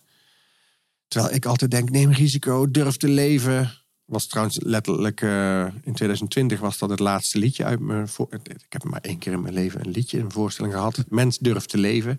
Dus dat risico's nemen is blijkbaar ook iets wat mij bezighoudt. Ja. Ja. Alleen dan kan het waarachtig zijn, denk ik, als het, als het jou echt bezighoudt. Misschien nog voor, over, die, over die voorstelling van 2018. Ik zat samen met eh, Thijs, Thijs Lindhout, in, eh, in beide voorstellingen, die, de, de opnames in de oude Ja. Luxor. En, eh, en je, je was best wel verkouden, best wel Mhm. ziek. Eh, op die manier zelfs dat je de eerste show, eh, nou, achter de schermen was je, zei, was je een beetje ontevreden. Je zei, fuck, Ja. kut, moet nog even gewoon nog één keer moet erop gaan. Maar je had eigenlijk al zoveel van je stem, was al zo, zo Naar de kloten, ja. naar de kloten dat die tweede show ging niet beter dan die eerste show. En sterker nog, je moest op een gegeven moment de voorstelling stilleggen. Klopt, ja. Hoe, hoe kijk jij terug op, op dat moment? Gewoon als Dat- artiest ben ik benieuwd hè, naar, naar Ja. de- dit overkomt je. Het was letterlijk de. Ik denk dat het letterlijk de eerste keer was in eh, toen 18 jaar dat ik de voorstelling stil heb moeten leggen, omdat ik gewoon ik kon gewoon geen kracht zetten op mijn stem. En normaal gesproken, en dat is ehm, omdat we nu tegenover elkaar zitten, merk ik ook dat ik dan ben ik vrij rustig en dan praat ik vrij monotoom. En, en je probeert in een voorstelling dan dynamiek te gooien en, de, en, en je, je probeert de, je intonatie een beetje vrolijker te maken. En je wil wat gas geven af en toe en een keertje uithalen en dan harder schreeuwen. En die middelen had ik op dat moment niet. Ik Ja. kon op dat moment bijna alleen nog maar praten zoals ik nu tegen jou praat. Ik had alleen nog maar... Ik had geen lucht om body te produceren. Om intonatie erin te... Nou ja, ik voelde me gewoon bijna machteloos. Ja. Ik, ik had gewoon geen ademtekort. Maar het was een soort... Ja, er had s'morgens letterlijk... was er een KNO-arts nog ter plaatse gekomen. Die heeft mijn keel nog gecheckt. Omdat ik zei van, het is niet goed. Ja, en die zei heel laconiek en ongeïnteresseerd... Nee, nee, er is niks aan de hand. Nou ja, en, en s'avonds, ik, ik weet dan niet wat het was, maar ik kreeg het echt bijna niet mijn strot uit, letterlijk. Ja. En dat eh, slokje water nemen de hele tijd was niet de rode draad die op het einde Nee. met een groot glas terugkwam. Nee, Dus, eh, nee. nee dus hoe, we verdrinken in ons eigen water. nou ja, hoe, hoe voelde dat? Eh, Het vervelende is dan... Kijk, ik, ik stond twintig jaar geleden stond ik op het podium om applaus te krijgen. Mhm. Alleen de laatste tien jaar is dat langzaam veranderd. Ik, ik wil nu graag mensen een fijne avond geven. Dus in plaats van dat ik alleen maar wil ontvangen, wil ik nu gewoon samen dat we allemaal een leuke avond hebben. Het publiek voorop. Dus het is hartstikke leuk dat we daar een oudejaarsconferentie voor tv opnemen. Maar ik wil dat die mensen zelf daar. Het gaat om die, het gaat om die 926 mensen die in het oude Luxor zitten Ja. die moeten een leuke avond hebben. Dat ik na afloop het podium afloop en helemaal naar de tering ben, dat boeit me niet. Maar ik kon die mensen op dat moment niet geven wat ik ze wilde geven. Ja. Dat, dat eh, vond ik denk ik het, het heftigst, zeg maar. Ja. Ja, dus dat is.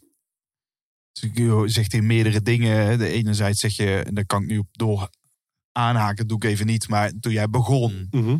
Eh, was het, zou je kunnen zeggen, was het meer ego- een egocentrische behoefte dan nu. Ja, dan is alles nieuw en dan eh, overal elke zaal die wordt groter en dan is dat de kick gewoon. Ja, zeg maar. Het ja. is gewoon, je hebt dus, het is gewoon ja, dat is jouw doelgerichtheid. Gewoon Ja. groter, meer, beter. Ja. Totdat je dat allemaal een keer gedaan hebt. En je denkt, nou, nu heb ik alle, alle theaters wel een keer gehad. Tot aan de. Da- daar zit geen marge meer in. Nou, dan moet je dus uit andere dingen halen. Dus het gaat nu over meer de verbinding tot die zaal. ja, zeker. Klopt dat zo, ja, het zo? Zeker, ja. Eh, maar goed, dat, dat lukt dan niet. Je moet back, naar backstage. Ja. Eh, ja, en, daar en dan, dan heb je, volgens mij duurde het drie minuten of zo. Ja. Eh, je herpakte, je kwam weer terug, je hebt de voorstelling afgemaakt. Wat, Mhm. wat heb jij in die drie minuten backstage gedaan? Wat, wat ging er? Ik denk letterlijk ademhalen, water drinken, dropjes eten. Ik, ik, weet niet wat, ik weet eigenlijk helemaal niet wat ik heb gedaan. Maar dat moet het zijn. Ik denk mezelf kennende dat ik dan op dat moment heel pragmatisch ben. Van hoe krijg ik nu mijn stem weer op gang? Hoe krijg ik nu weer energie erin? En, en, ehm, En heel eerlijk, achteraf heb ik het teruggekeken en was het helemaal niet zo erg als het in mijn hoofd was. Veel mee, ja. Maar, ehm, maar ja, ik, het, het, was, het was een beetje alsof je, als je voetbalt met een lekke bal of zo. Voelde op dat moment gewoon niet dat ik vol gas kon gaan. En, en juist als er camera's meedraaien en je weet gewoon, kak, er Dus komt over drie dagen moment, op tv. Ja, naartoe gewerkt. eh, ja, dan wil je gewoon dat die, dat die vol erop gaat. Ja. Ja, ja.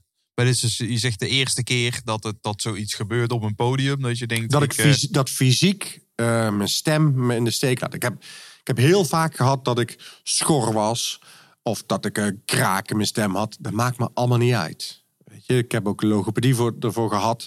Dat ik mijn stem wel een beetje zo kan gebruiken. Dat ik weet dat die, dat die het nog wel een weekje volhoudt. Nog een paar dagen doortrekt. En dan Ja. is het weekend. Of dan is het zondag en maandag. En dan, je kan weer van, even van rusten. nature een beetje nasale stem. Hè? Dus ik Ja. kan me voorstellen, als je daar niet op let, dan, dan hou Ja. je dat niet vol. Bij een Nee, van en, ik- 100 en ik heb van nature ook een hele slechte ehm, eh, techniek. Dus ik, ik adem vanuit, vanuit mijn eh, longen en niet vanuit mijn buik. En ik, eh, dus, ehm, dus ik moet daarop letten. En dat is nooit een probleem. Als de camera's meelopen, dan, dan, dan let je er iets meer op. Misschien is dat zelfs ook wel de reden dat het daardoor eh, dat er meer spanning op stond. Waardoor het meer verkrampt is of zo. Geen idee. Maar ehm, Maar ook Ja. hier hoor je natuurlijk wel wat wel mooi is. Dus, ja, je het is niet leuk, maar je, je, je, je, vertelt, het, je vertelt het zoals het is. Maar Ja. je kijkt het terug, je realiseert je, het, viel, veel, het was veel minder erg dan dat ik dat dacht. Ja. Terwijl dit is natuurlijk voor, voor een gemiddelde spreker een soort van de grootste nachtmerrie die je kan overkomen. Namelijk, om wat voor reden dan ook, loopt het totaal spaak. Dat kan zijn een blackout, dat kan zijn een stem die het opgeeft. Ja. Je moet letterlijk stoppen. Eh, eigenlijk stopt daarmee de magie. Eh, zou je kunnen denken. Dus Ja. je kan het, mensen maken dat heel groot. Terwijl, ja, eh, dat gebeurt. Eh, volgens Ja. mij was het applaus harder de tweede keer dan de eerste keer. ja, Mede doordat dat gebeurde. Eh, en je, je zit er nog. Ja. dus, Nou, dat is dan wel weer het voordeel bij een tv-opname ook. De magie van theater is al een beetje doorbroken. Want ik heb van tevoren al tegen het publiek gezegd... er draaien camera's mee. Hè, dus als er mensen zijn die niet op camera willen... dan steek dan nu je hand op, dan kom ik naar je toe. Maar je, je speelt een beetje met die Ja. zaal. Dus als de voorstelling stilgelegd wordt omdat het een tv-opname is... eh, het, het publiek vergeeft me dat ook. En daarbij hoop ik ook dat ze naar Guido Weijers komen kijken... Ja, dat ze dus ook, eh, dan krijgen ze mij ook zoals ik ben. Dus als mijn stem ermee ophoudt, is ook dat wat het is. Ja. Ehm, dus, dus het is niet. Dus als mijn stem me in de steek laat, is dat niet het allerergste wat er kan gebeuren voor mij. Nee, ik kan mijn voorstelling niet afmaken voor het publiek. Dat is. Ik wil geven. ja. En je Dat- gaat niet dood terwijl dat je geeft. Nee, Dat is natuurlijk de angst Nee. die mensen hebben. Van als ik dadelijk, de- als ik dadelijk een blackout heb, dan, dan, dan ga ik dood voor dat Ja. publiek. Maar dat is dus helemaal niet zo. Als je intentie al is om te geven. ja. Ja, als dat geven gestaakt wordt, ja, dan ben even stil. Zeg even, oh, ik weet het eigenlijk niet meer. Ja. En dan wandel je even naar een plek waar je dan toevallig eh, iets hebt. En dan, als, als, ik het, als ik er nu ter plekke over nadenk, kan ik me ook voorstellen dat ik dan de rust daarin heb, omdat ik al zo lang op een podium sta. ja, Stel nou dat ik morgen voor de eerste keer in New York zou optreden en dat zou gebeuren, dan denk ik, ja, wat moeten die mensen allemaal niet denken? ja. En als dat in Nederland gebeurt, dan denk ik, ja, maar mensen weten wel dat ik normaal gesproken wel dit gewoon prima ben. kan. Ja. Ja. Daarom vind ik het ook niet. Als, ik, als, als dit gesprek, als deze podcast in het Engels zou zijn, dan zou ik denken: ja, maar die mensen kennen mij niet, die horen nu allemaal dit. Terwijl Oh ja. als ze in Nederland deze podcast horen, denk ik: ja, maar als je mijn successen wil horen. En eh, het niet inhoudelijk over het vak spreken wil horen, maar je wil mij grappen horen maken, ja, dan moet je maar een show gaan kijken. Of dan moet je maar gewoon een interview eh, over mijn succes eh, gaan terugluisteren. So, Guido Weijers, welcome to the podcast. Uh, we will continue this conversation in English. Ah, For, for all American listeners. Hey, all. Dat is, maar dat is, het lijkt me best leuk hoor, om, om in het Engels iets te doen, omdat, omdat je dan, omdat mensen dan niet komen naar Guido Weijers. Snap Ja. je? Dus dan, ga, dan gaan ze je ineens weer eh, beoordelen op de inhoud. Ja. Dat vind ik toch ook wel weer heel interessant. Nou ja, daar hebben we natuurlijk, daar, dat is denk ik misschien wel haast de rode draad van vandaag. Is dat, dat door corona moest je op zoek naar nieuwe vormen. En een van Ja. die nieuwe vormen is dus uit het theater. Maar dus Ja. eh, scholen opgezocht. Meer het bedrijfsleven in. Eh, eh, online in plaats van offline. Waarin Ja. dus de lach eh, niet de hoofdvorm kan zijn. Met mensen zitten met een kopje thee achter een computerscherm Ja. te kijken. In de zomer het terras op samen met twee andere gasten. Ja. De, de, de comedyclubs in. Ja, ik, heb, ik heb ineens alle... Omdat ik uit het theater ging, heb ik vier of vijf andere vormen weer gevonden. Ja. Mensen realiseren, ik weet niet of de luisteraar dat weet, maar je hebt zelfs een eigen theater gebouwd. Een, Ja. een drive-in theater. Ja. Waardoor er niet 100, maar 300 mensen vanuit drie afzonderlijke locaties. Ja. Ja, dan wordt jouw ineens gezegd van er, kijken. er mogen maar 30 man in een zaal of maar 100 man in een zaal. Denk ja, dan bouwen we gewoon drie zalen. Die toevallig naar hetzelfde toevallig naar podium. hetzelfde podium kijken. Ja, maar dan maken we drie parkeerplaatsen, drie eh, wc-units en drie verschillende zalen achter glas. En dan, eh, ja, zeg maar eens dat het niet mag. Ja. Nou, dan komen we misschien nog wel op, op, Ja. op die ondernemerschapkant in jou. Ik wil toch nog even terug naar de inhoud van de, van de voorstellingen. Het zijn misschien nog twee haakjes die ik wil aanstippen. Eén is, je zei net van oké, als ik dus mensen weten al wat ik kan. En de voorstelling zit er al zo in bij jou. Dat Mhm. op het moment dat die camera's erop staan, kun je vertrouwen op je, nou, haast je, je spiergeheugen Ja. in wat je doet. Eh, als ik kijk naar veel sprekers, dan, dan zijn het vaak sprekers die nog niet heel veel kilometers hebben gemaakt. Die in ieder geval zeker niet een lezing honderd keer hebben kunnen try-outen. Ja. Wat, wat is voor jou de waarde en het effect van dingen uitproberen? En, en dus het vermogen hebben om te kunnen try-outen voordat je daadwerkelijk in die schouwburg eh, de echte voorstelling speelt. Ehm, de waarde van mijn try-outs is het eh, opschonen. Dus letterlijk de ruis uit mijn show halen. Want in het begin wil je heel veel informatie kwijt. Je wil al je grappen uitproberen. Terwijl eh, langer is niet altijd beter. En ehm, je, je, moet, je moet zorgen dat, dat je met zo min mogelijk zinnen op hetzelfde punt uit kunt komen. Het heeft helemaal niet zoveel zin om de tijd vol te praten. Hmm. Dat is niet mijn doel. En tijdens die try-outs, hoe, hoe ik het doe bij een try-out, ik schrijf mijn tekst volledig uit. Oké. Dan ga ik 15 of 20 voorstellingen try-outen. Dan merk ik dat ik tijdens de try-outs, ja, ik ken de tekst niet helemaal uit mijn hoofd. Dus ik praat een beetje naar de clue toe. Ik zeg dingen net iets anders dan dat ik had opgeschreven. En wat ik dan doe na 20 voorstellingen of 30 voorstellingen, is dat ik de eerst geschreven versie erbij pak. En ik neem hem op van hoe zeg ik hem nou eigenlijk als ik hem ter plekke moet verzinnen. Ja. Want je hebt dan niet je script bij je op het podium. Nee, het is niet script-script, zeg maar. Nee. Ehm, ja, eh, dat script is wel ergens in de buurt. Dus ik heb misschien wel een laptopje waar ik, eh, waar ik een afkijkje heb. Of ik Ja. heb wel wat kaartjes, eh, spiekbriefjes liggen. Maar ik zeg het toch op mijn eigen manier. Ja. Ehm, en dan heb ik ineens twee versies. De versie zoals die na twintig voorstellingen een beetje voor het publiek is ontstaan. En de versie zoals ik hem op papier had bedacht. Ja. En die leg ik dan naast elkaar. En dan denk ik, maar wat is nou eigenlijk de beste versie? Dan ga ik weer eens opnieuw denken. Wat is nou de kortste versie? Ik heb daar blijkbaar nog twee grappen bij verzonnen. Dat was ook een reden. Oh, maar dat zinnetje zeg ik eigenlijk niet meer. Blijkbaar heeft dat zinnetje dan geen functie. Of is het niet nodig om het te zeggen? En dan maak ik een derde versie van de letterlijk de geschreven tekst en de spontaniteit komt dan bij elkaar. En dat wordt mijn uiteindelijke versie. Dat schrijf je dan ook weer uit. Die ga ik dan weer uitschrijven. Ja. Ja. Wat, wat maakt dat jij dat belangrijk vindt? Dat jij dus je tekst helemaal uitschrijft? Ik hoor dat heel veel mensen daar verschillende Ja, manieren voor hebben. Dat is gewoon, ehm, noem dat maar een soort ruggensteun of zo. Ja. Dus van, van al jouw theatershows heb je hier een script, ergens een script van Ja. liggen. En dan zal ik nog steeds niet exact 100% Nee. dat script aanhouden. Maar het is voor mijn... Ja, het is gewoon fijn om een beetje... Om altijd te kunnen terugvallen op iets. Ja. En hoe schrijf jij dan? Is dat, is dat letterlijk gewoon je gaat achter een laptop zitten en je begint te tikken? Of moet je dat dan eerst sprekend? Hoe kom jij dan tot tekst? Als, als ik een uur... Als ik een show van een uur zou schrijven... Dan zou ik waarschijnlijk... eh, bij mij is ongeveer één A4'tje is drie minuten. Mhm. een eh 12 punts eh Arial of Verdana of zo. Eh 12 punts, eh, A4'tjes, drie of vier minuten. En dan denk ik dat ik vier A4'tjes eh, rode draad. Van wat wil ik zeggen? Wat, moet, wat is mijn boodschap? En bij een oudejaars, dan is, en dan is de rest is wat is mij opgevallen in het nieuws en, en wat vind ik daarvan. En, en heeft dat ergens ook nog een link met de rode draad? Maar dat komt dan later wel. Ah ja. En, ehm, en dan ga ik dat eens puzzelen. Ja.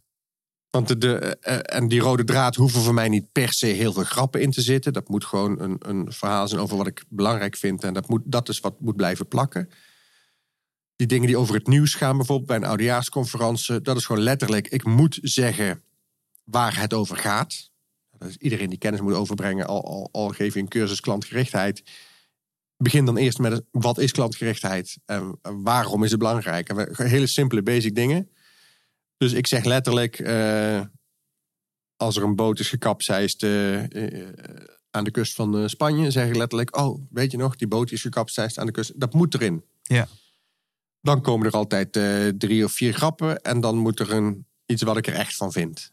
En bij mij is het altijd het liefste lichte onderwerpen wil ik inhoud geven en zware onderwerpen wil ik een beetje lucht eh, inbrengen. Ja.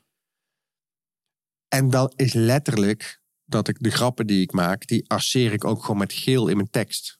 Als zijnde hier komt de lach of zo. D- ja, Dit Ja. is de humor. Ja, hier zit de lach. Dit moet ik gezegd hebben, want het is namelijk gewoon de grap. Ja. Is waar mensen voor komen. Eh, dus ik heb gewoon uiteindelijk een script. Wat bestaat uit een paar pagina's rode draad. Allemaal losse onderwerpen. Met geel gearceerd, waar mensen lachen.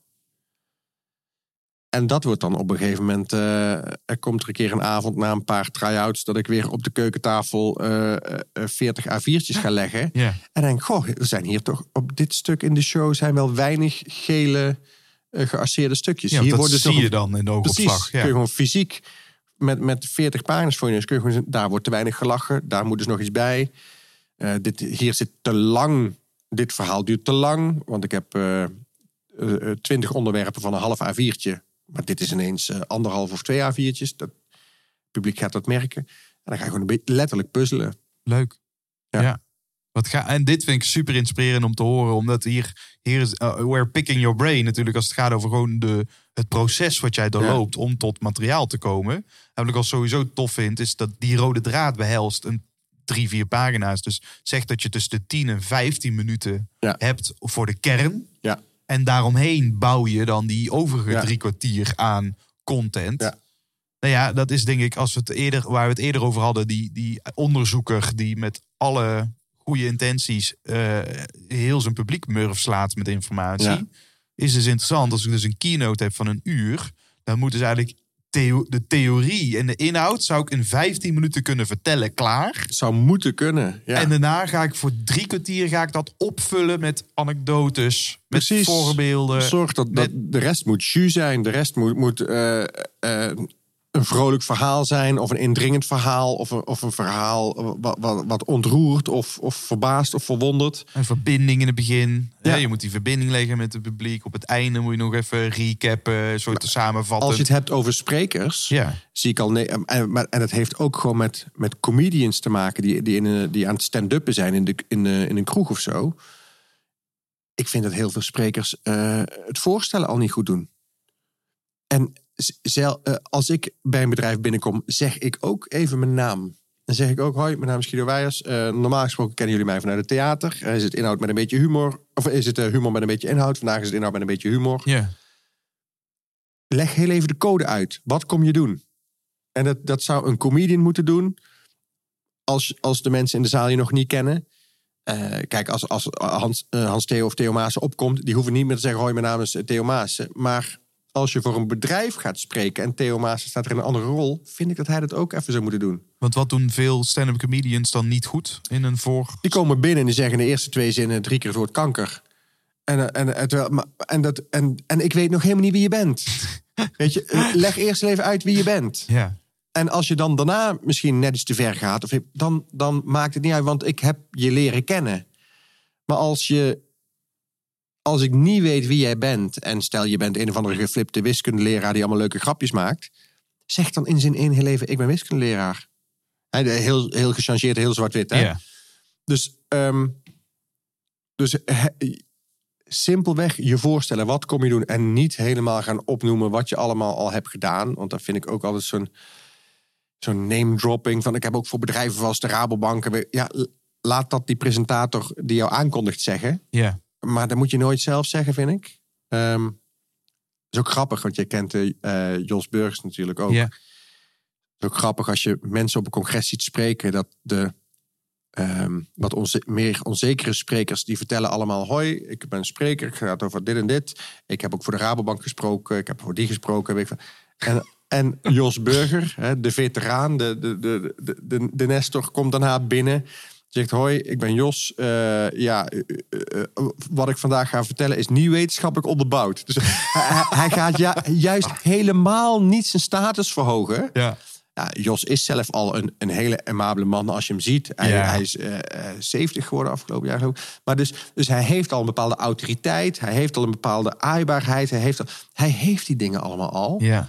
Dus hij gaat niet zeggen hoe goed hij is. Hij gaat gewoon zeggen, neem me niet serieus. Dat vind ik zo sterk. Want dan kom je weer bij die contradictio. Dat je dan, hè, dat, Ja. dat zo in termine. eh, Dat was hem. Toch? Dat was hem. Bam. Bam. We hebben hem. Ah, 12 point. Drop point. Maar, eh, maar, dat, maar hij kan dat dus doen. En Dus als we weer even teruggaan naar hoe, hoe introduceer je je. Eh, omdat hij van zichzelf zoveel credibility heeft. Hij, kan de, hij zegt dus, ja, al die boeken zijn best verkochte managementboeken geworden. Maar niet. Het best gelezen. Ja. Dus, En en, ja. en u hoeft het ook niet te lezen. Nee, want daarom ben ik hier. Ja. Weet je wel? Jullie, eh, zo Iemand heeft hier een boek gekocht en niet gelezen. En daarom mag ik hier over komen vertellen. Eh, hij heeft dus de status, zou je kunnen- maar daarin bewijst hij wel credibility. Want in één zin zegt hij: ik ben- eh, ik ben best verkochte managementboek van het jaar. Ja. En dan trapt hij het weer, weer onder. Dus Ja. dat is, is prachtig dat je dus tegelijkertijd autoriteit en vriend bent. Precies. In één zin. Precies, ja. Maar als ik op zou komen en niemand heeft enig idee wie ik ben. En ik ga dan dat doen. En ik ga zeggen, ja, eh, eh, ik, eh, ik, ben niet, ik ben niet wetenschappelijk onderbouwd. En ik weet zelf eigenlijk ook niet wat ik hier sta te doen. Maar we gaan het wel leuk hebben. Dan is dat een soort van gek. Omdat mensen dan denken, ja, maar... Hè, Ja. Maar je, kunt daar, je, je moet wel iets zeggen wat je gaat doen. ja. Dus, dus ik kan me voorstellen dat het niet eens... Als dat oprecht is wat je komt doen... Hè, als je oprecht niet weet wat je komt doen... dan is dat de beste opening. Ja. Als dat Ehm, niet zo is, en het is dus altijd... Dat is nooit zo natuurlijk. Dan is dat een rare, rare introductie. Ja. Maar Jos heeft die autoriteit. En, en, ehm, en als jij binnenkomt en zegt... eh, we gaan het drie uur lang hebben over deze en deze theorie... dan is het ook duidelijk. Maar je moet... Ik denk dat mensen altijd in ieder geval even... Neem ze even mee. Ja. Zet even, zeg even wat de code is. ja. Ehm, Maak het contract met die zaal. dat. Hoe, gaan we, hoe, hoe ziet dit eruit? We hadden het vanmiddag ook over wat kun je allemaal nog zeggen. Hoe ver kun je gaan met grappen en ik veel. Als van tevoren duidelijk is wat je kunt doen, wat je komt doen, is alles mogelijk. Ja. Als ik, als ik eh, opkom en ik weet gewoon, ja, deze, deze show is behoorlijk op het randje, zeg dat gewoon.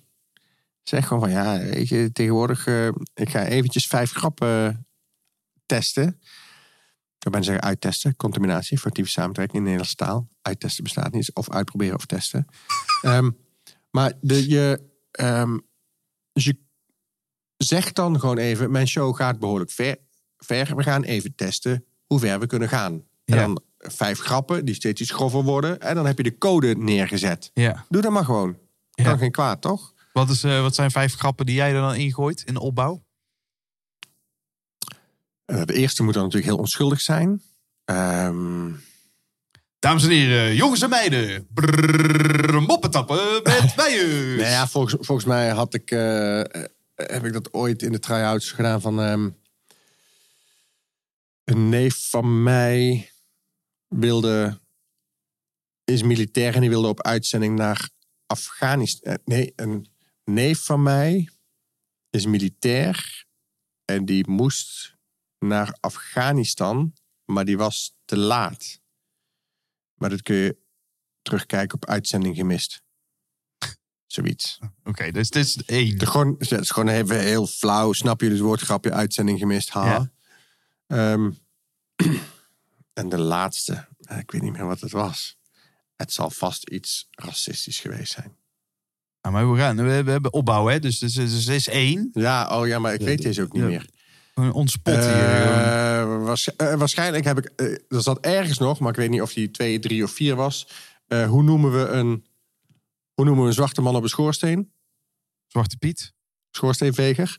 En eh, dus dat je aan het publiek. Dat je een beetje. hoe noem je een witte man eh, op een schoorsteen? Eh, De schoorsteenveger. De manager van de schoorsteenveger. En, eh, eh, ja, maar, en dan, maar ik weet niet meer wat de meest grove was. Maar Monty Python, eh, bijvoorbeeld, die hadden een, ooit een. ehm, Monty Python was een Engelse groep. die in de jaren eh 80 extreem populair was Ja. in Engeland.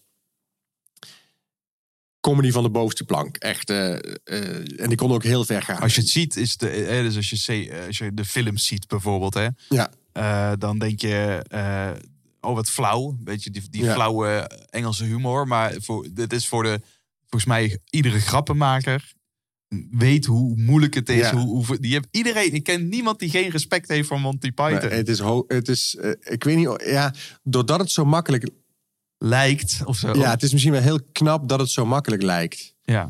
Het is, het is een beetje hetzelfde als de definitie van geluk geven. Dat mensen achteraf zeggen, oh ja, dat wist ik wel. Dat is wel Weet je- logisch. ja, dus al- als je iemand de grap hoort maken... eh, eh, van ergens staat Jezus voor een groep en die zegt... We're all individuals. En dan zegt één iemand uit de groep, I'm not. ja, hoe simpel kun je het hebben? Maar verzin het maar eens. Ja.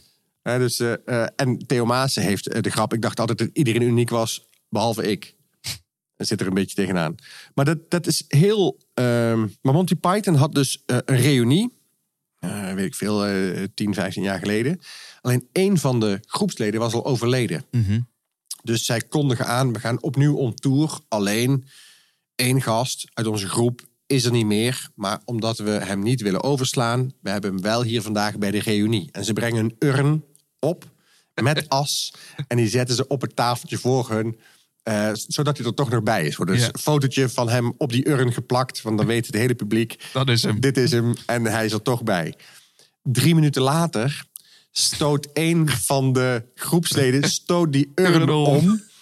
En paniek, zeg maar. Echt stof over het tapijt. En al het as eh, loopt uit die urn. En weet ik, ja, als je weet dat zij humor maken van de bovenste plank, kan dit gewoon, zeg maar. Ja. Als je die code van hun niet weet, ja, dan zou je zeggen: dit kan nooit. Dit is eh, grappen maken over doden. en weet ik.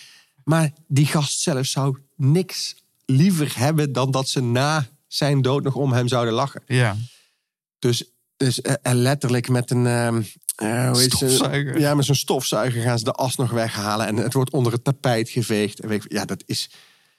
Ja, hoe ver kun je gaan? Ja, als de code maar duidelijk is. en je weet dat de intentie goed is en dat het vrienden onderling zijn, kan alles. ja.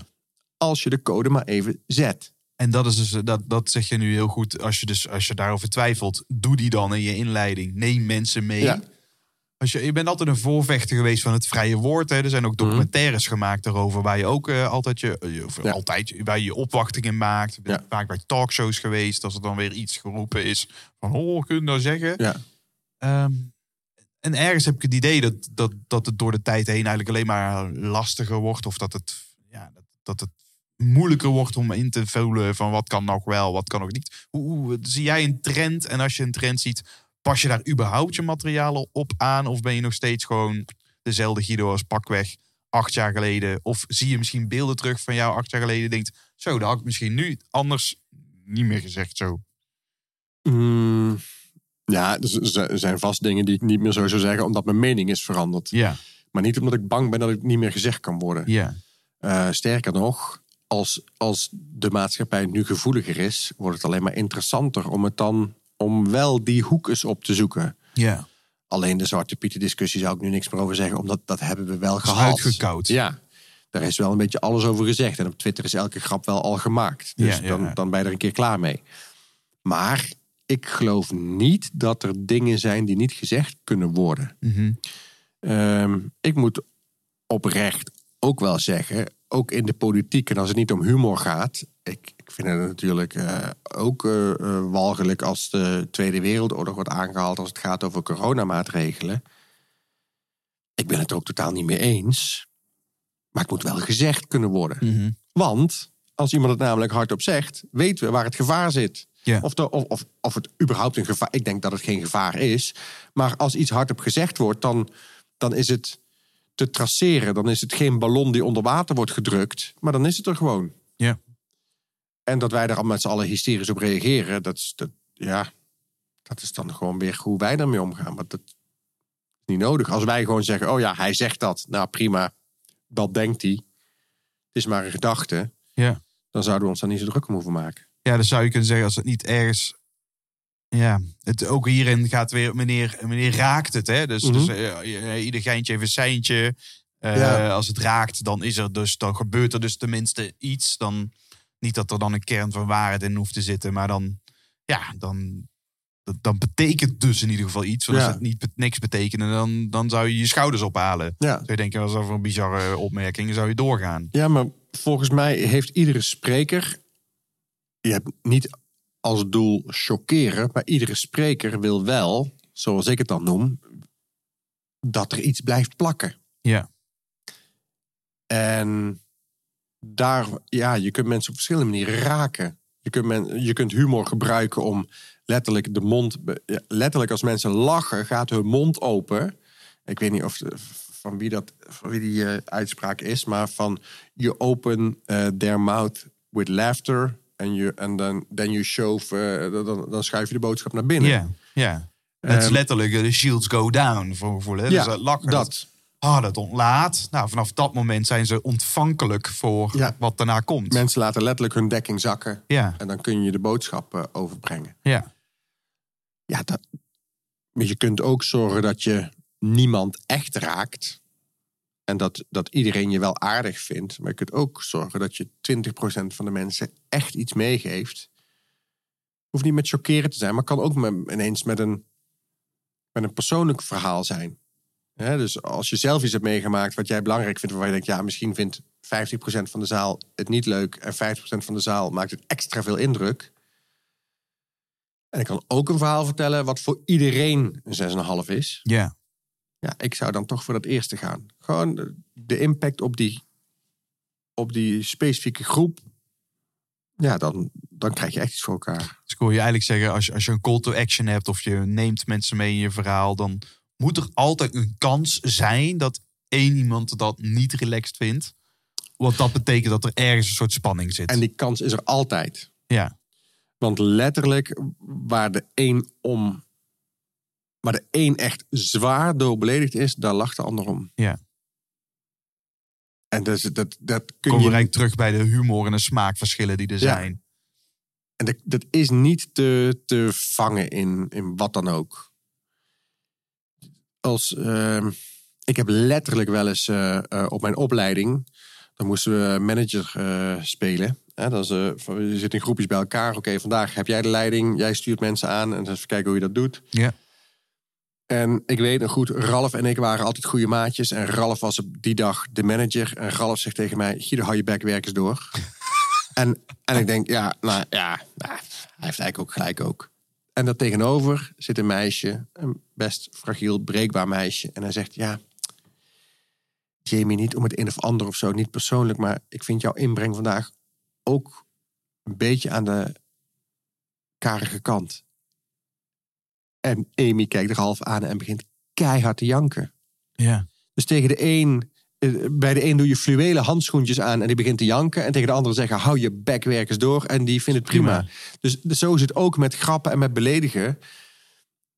Je, je, die grens ligt bij iedereen ergens anders. Dus kun je maar beter afspreken. De, alles mag gezegd worden en de grens ligt bij geweld. Bij fysiek geweld. Ja. ja. Dat, is, dat is altijd wat er gezegd wordt, toch? Bij het vrije woord, alles moet kunnen. Dat is, dat is mijn stelling. Dat- je, dat je alles moet kunnen zeggen. Want dat, je kunt ook niet beledigen. Je kunt alleen maar beledigd worden. Want wat voor de een beledigend is, daar lacht de ander om. Ja.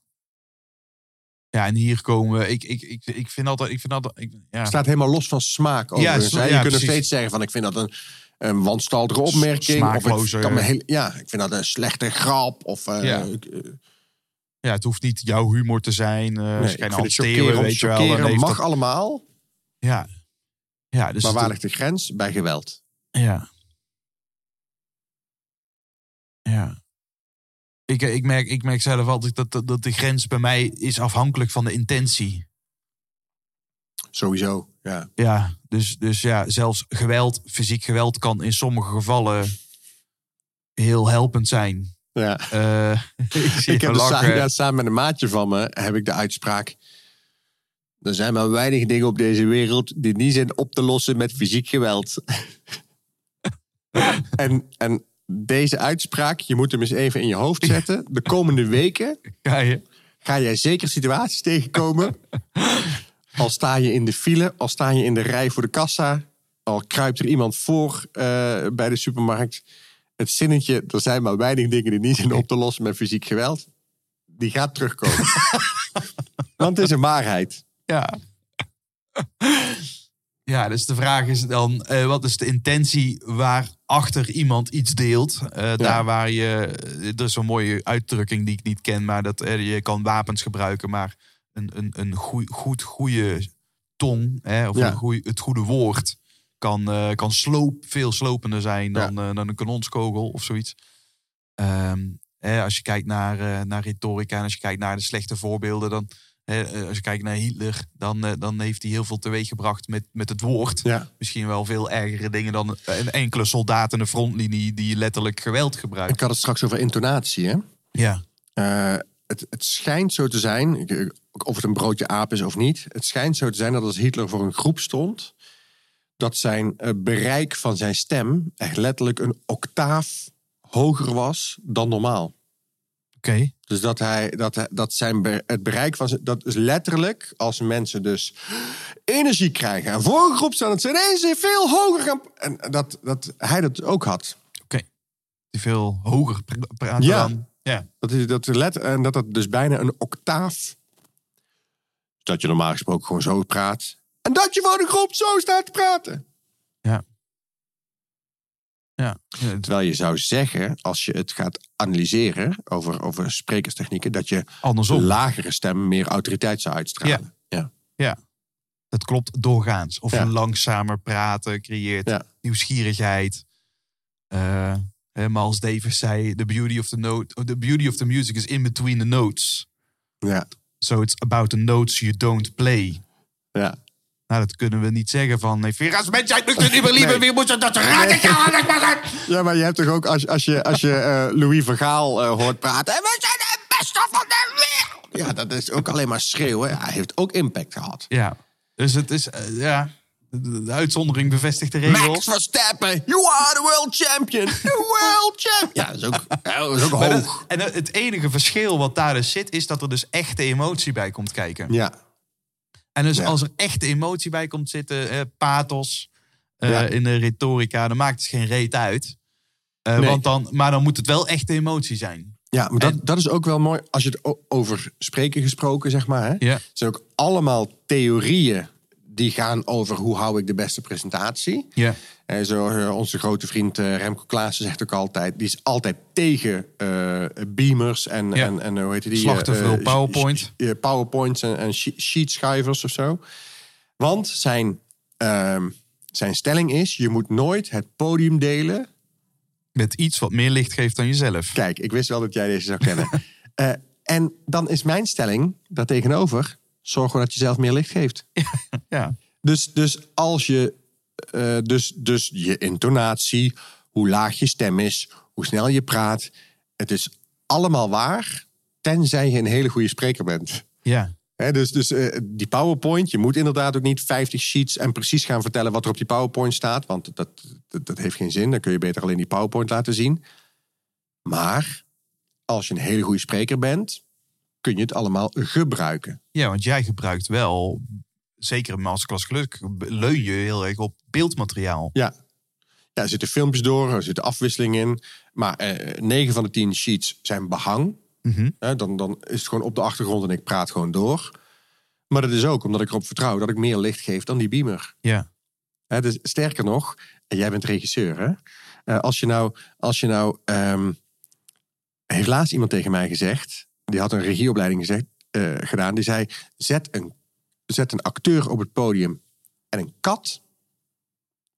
Het publiek kijkt continu Naar de die kat. Ja. Waarom? Ja, die kat is onvoorspelbaar, Ja. want die is niet geregisseerd. Wat gaat er gebeuren? Ja. Dus, dus de authenticiteit, de spontaniteit, de, dat er iets op de loer ligt, maar ook gewoon dat die is wie die is, dat maakt het ook wel interessant om naar te kijken. Ja. Het is- ik, ik, ik zit te zoeken, wat, wat, wat, wat heeft de luisteraar hier aan? Maar ik moet denken aan de, aan de Meister eh acteertechniek. Wat, wat heel erg gaat over... eh, dat, dat stamt er af van... ehm, oh, dan kom, ik zit met Tsjechov in mijn hoofd. Maar het is niet Tsjechov, want dat was een bekend schrijver, theaterschrijver. Eh, maar het gaat over... Niet Stanislavski. Nou, ik kom er nog wel op. Maakt ook niet heel veel uit. Name dropping. Boeien. Maar in ieder geval, het gaat over spelen het nu. Dat de acteur Ja. Ziet, hoort en doet alles voor het eerst. Ja, Maar dat is natuurlijk niet waar, want alles is gerepeteerd. ja, Maar je moet toch iedere keer mensen in, dat, in de zaal het gevoel geven dat het op dat moment ontstaat. ja, En dat is een hele dunne lijn. En, en een truc die ze doen op de theaterschool is dat ze dan vragen: eh, je gaat nu naar buiten en zometeen kom je door de deur binnen en dan ga je zoeken. Je bent je sleutels kwijt. Mhm. Dus je wilt eh, de autosleutels die heb je binnen laten liggen en je komt binnen en je zoekt je autosleutels. Ja. Ga maar doen. ja. En dan spelen mensen Ja. wat ze zoeken. Maar dat ziet er heel graag uit. Ja, overdreven Heel overdreven, ja. over de, eh, want, en, dan, dat is, en dat is dan zo dom. Dat, dat we dus gewoon, dan gaan we spelen dat we zoeken. Maar dat, ja, dat ziet er gewoon niet uit. Gewoon, maar, Nee. Want echt zoeken doe je anders. Een andere Ja. oefening is speel dronken. Het is heel moeilijk om goed Het is dronken vaak te veel spelen. subtieler dan je denkt. Dat Ja. was ook met die, met die mug waar ik het straks over had. Ik moest dat veel kleiner maken dan dat ik zelf dacht. Want normaal gesproken eh, denk je, oh ja, ik moet dan doen alsof er een mug zit. Ja, ik had daar gewoon letterlijk drie of vier zinnetjes opgeschreven. Maar wat doe je normaal gesproken als er een mug zit? Je doet één keer met je hand en door. Ja, Je gaat helemaal geen je wil je niet laten afleiden door Nee, een mug. En je dat gaat he- helemaal niet hardop zeggen... oh, nou, er zit een mug hier. Ja. Weet je, laat het allemaal weg. Maar ehm, wat wel misschien resoneert bij het, eh, bij het publiek... is als je als spreker... stel ik heb een, een, een, een ehm, presentatie over klantgerichtheid... en ik vertel, nou, ik was laatst bij, ehm, eh, bij een, eh, kwam bij een eh, reisbureau eh, binnen... dat je in je hoofd, op het moment dat je het vertelt... wel even weer in, die, in, in dat reisbureau staat Ja. als je zegt, ik kwam laatst bij een verfwinkel, dat je ook weer even weet, oh ja, daar staat die man met die snor, staat daar achter de balie. Die eh, heeft een kaal hoofd en die heeft, en ik vroeg hem om de, dat je dat weer even vo- letterlijk voor je ziet. Ja. Dat, ehm, dat je het wel vertelt alsof je, en dan, dan gaat het er niet om of jij je exact aan die tekst houdt die je opgeschreven had. Het gaat erom dat, je, dat het publiek met jou meevoelt, dat je daar weer binnen staat. Ja. En als je storytelling moeilijk vindt, zie het voor je en, en benoem gewoon letterlijk wat je ziet. Ja, Dan ben je er al. Ja. Je kwam binnen en je zag van die gele eh, posters, weet je, aanlagen van die katten. Een beetje afgebladerde catalogus. Weet je, als je dat soort dingen vertelt, helpt dat. Nou, misschien nog één ding, omdat ik toch Tsjechov heb genoemd. Ik ik knik mm toch. Tsjechov, het principe van Tsjechovs gun. Ken je dat? nee. Dat, dat al op het theater is alles doordrenkt van betekenis. Ja. Want anders gebeurt het niet. Ja. En als mensen het principe van Chekhovs gun hadden geweten, dan hadden ze die mug meteen doorgehad op moment één. Ja. Want alles is doordrenkt. Bij Chekhovs gun gaat over de meeuw. Mhm. Dan in, in het decor, ze komen samen in een landhuis en er hangt zeg maar, boven de schoorsteenmantel een groot jachtsgeweer. Ja. Ja, je voelt gewoon als kijker, er gaat iets gebeuren met dat geweer. Mhm. Ja. Want anders hangt dat daar Ja. niet zo prominent. Nou, dat gebeurt ook. Hè. Die meeuw wordt doodgeschoten in het derde bedrijf. En eh, daar is dus heel belangrijk. Chekhov's gun beschrijft dus dat alles wat op het podium gebeurt, moet gebeuren met een reden. Ja, En dat is ook precies waarom dat het echte leven geen film is. ja. Ja, ik snap hem. En ja. dat is ook vaak bij romantiek gaan we naar een nat, hè? Want dan willen we graag dat, eh, dat onze relatie net is als in de film. Ja. Maar in de film heeft alles betekenis. Want anders is het eruit gesloopt. Terwijl ons Ja. eigen leven hangt af van totaal allemaal sa- onsamenhangende toevalligheden. Ja. Die niks met elkaar te maken hebben. Terwijl in een film, dan wordt die persoon toch net weer wakker bij de gate. Weet je Ja. wel? Die rent naar de gate. Die, Die omarmt die liefde net voordat hij in het vliegtuig stapt. En jij stond te wachten in de gate en er kwam niemand. Ja. Dat is dus goed om te weten als spreker dat ik nog te vaak mensen zie improviseren voor de sake of te slecht voorbereid. Terwijl Mhm. dan ga je dus allemaal dingen zeggen. Dat het zeg jij zelf ook. De reden waarom dat ik try-out is omdat ik ga schrappen. Ja. Er is ruis wegschrapen totdat alles wat ik zeg en doe helpend is voor Ja. de grap, de punchline of de rode draad. Ik vind dat mooi ehm, bij Lebbis. Ja? Die, eh, als je ze vroeger als duo zag, dan had je altijd Lebbis en Jansen. En dan was Dolf Jansen altijd degene die hardste praatte. En Lebbis degene die altijd een beetje de aangever was. De laatste jaren zijn ze allebei solo gegaan. En Lebbis is echt een hele goede verteller. Oh, verhalenverteller. Ja. Oh. En hij is, hij is niet altijd eh, de. Het is niet, hij is niet zo grappig als Theo Maas of ik maar als verhalenverteller. Je, je, je zou eens moeten kijken naar zijn verhalen. Er zit bijna geen zin te veel in. Ja. Lebbis is ook de enige cabaretier die ik ken. die een paar jaar geleden een keer een voorstelling heeft opgenomen. met één camera. Hmm. Dus letterlijk, eh, het publiek begint te klappen. De camera zoomt in. eh, hij vertelt zijn verhaal. Het publiek eh, geeft een slotapplaus. En het is afgelopen. En met één camera. Dus hij kon daar geen één zinnetje meer uitknippen voor tv. Precies, want je kan niet schakelen. Je kan niet schakelen. Je kunt niet van de andere hoek eh, iets in beeld brengen. Nee, je kunt maar... En tegenwoordig met YouTube, hè, alles wordt hard geknipt. En elk zinnetje wat je te veel doet, kun je eruit knippen. Voor tv kun je altijd dingen nog korter knippen. Als je iets twee keer hebt gezegd of je je verspreekt je of zo. Nee, Lebbes heeft een voorstelling opgenomen. Eén take, geen zin te veel. En dat is, dat is wel mooi als je dat kunt. Ja. Knap hoor. Ik, eh, Lebbes, eh, on- anders is een van mijn favoriete eh, cabaretiers. Dus Ja. zeker eh, ga, ga dat. eh, het terrasje is zo'n bekend zakelijk ding, wat Ja. al heel vaak getoond is. Maar volgens mij zijn genoeg voorstellingen van hem ook eh, gratis online. Ja. Guido, wij, wij probeerden de, de formule van, van, van het creëren, van het proces van humor een beetje te ontleden. ja. Hoe ver zijn we daarmee?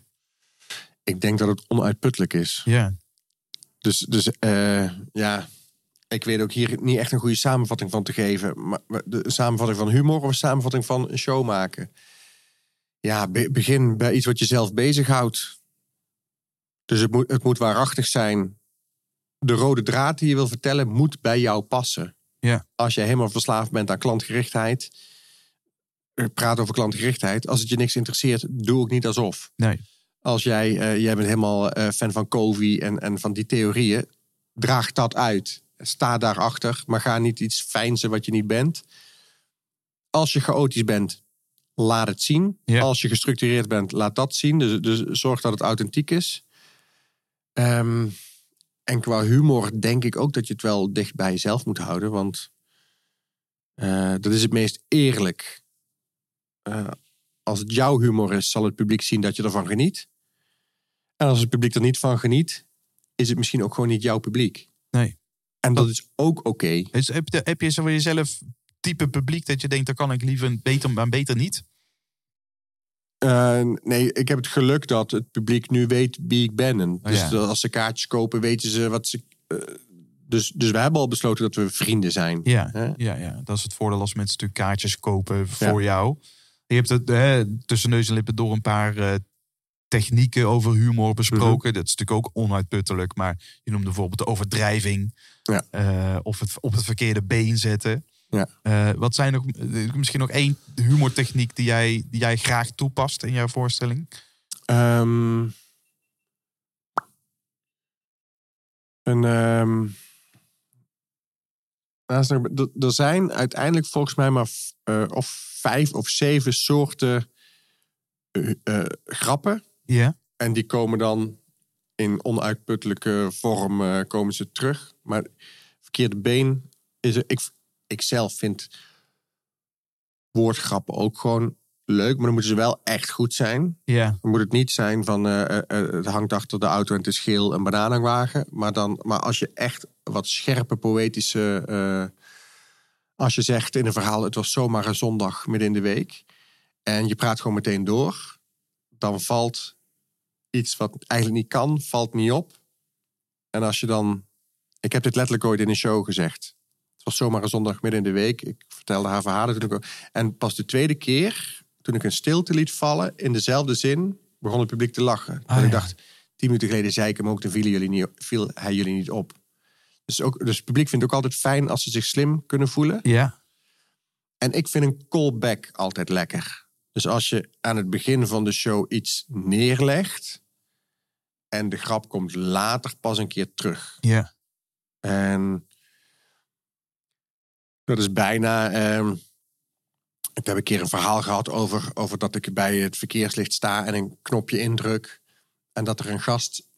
eh, en ik sta daar en een gast komt naast me staan en drukt ook dat knopje in. Ik zeg: Hallo, vertrouw je mij niet of zo? ik, ik, ik heb dat knopje al. Denk je dat ik dat knopje niet indruk? Dus dat ik helemaal over de pis raak dat ik dat knopje niet indruk. Of dat ik dat knopje heb ingedrukt en dat die gast dat daarna nog een keer doet. En eh, een half uur later speel ik gewoon een gast. En eh, nou ja, ik eh, sta bij verkeerslicht, druk dat knopje in. Die vent naast me wordt helemaal gek. En dat is dan... Dan komt hij terug oh, en dan speel je de is andere nu- kant ineens. Precies. Ja. Dat soort dingen eh zijn ook altijd wel leuk. Als iets nog ineens tien minuten later of een kwartier later of een half uur later weer terugkomt. En dat, het zou toch briljant zijn als we toch ook in wat meer zakelijke lezingen daarmee kunnen spelen. Maar dat kan Met, gewoon. met die vormstijlen. Ja, Dat we gewoon dat we iets vertellen, dat we het niet afmaken, dat we een cliffhanger hebben, dat we aan het einde van de presentatie terugkomen erop.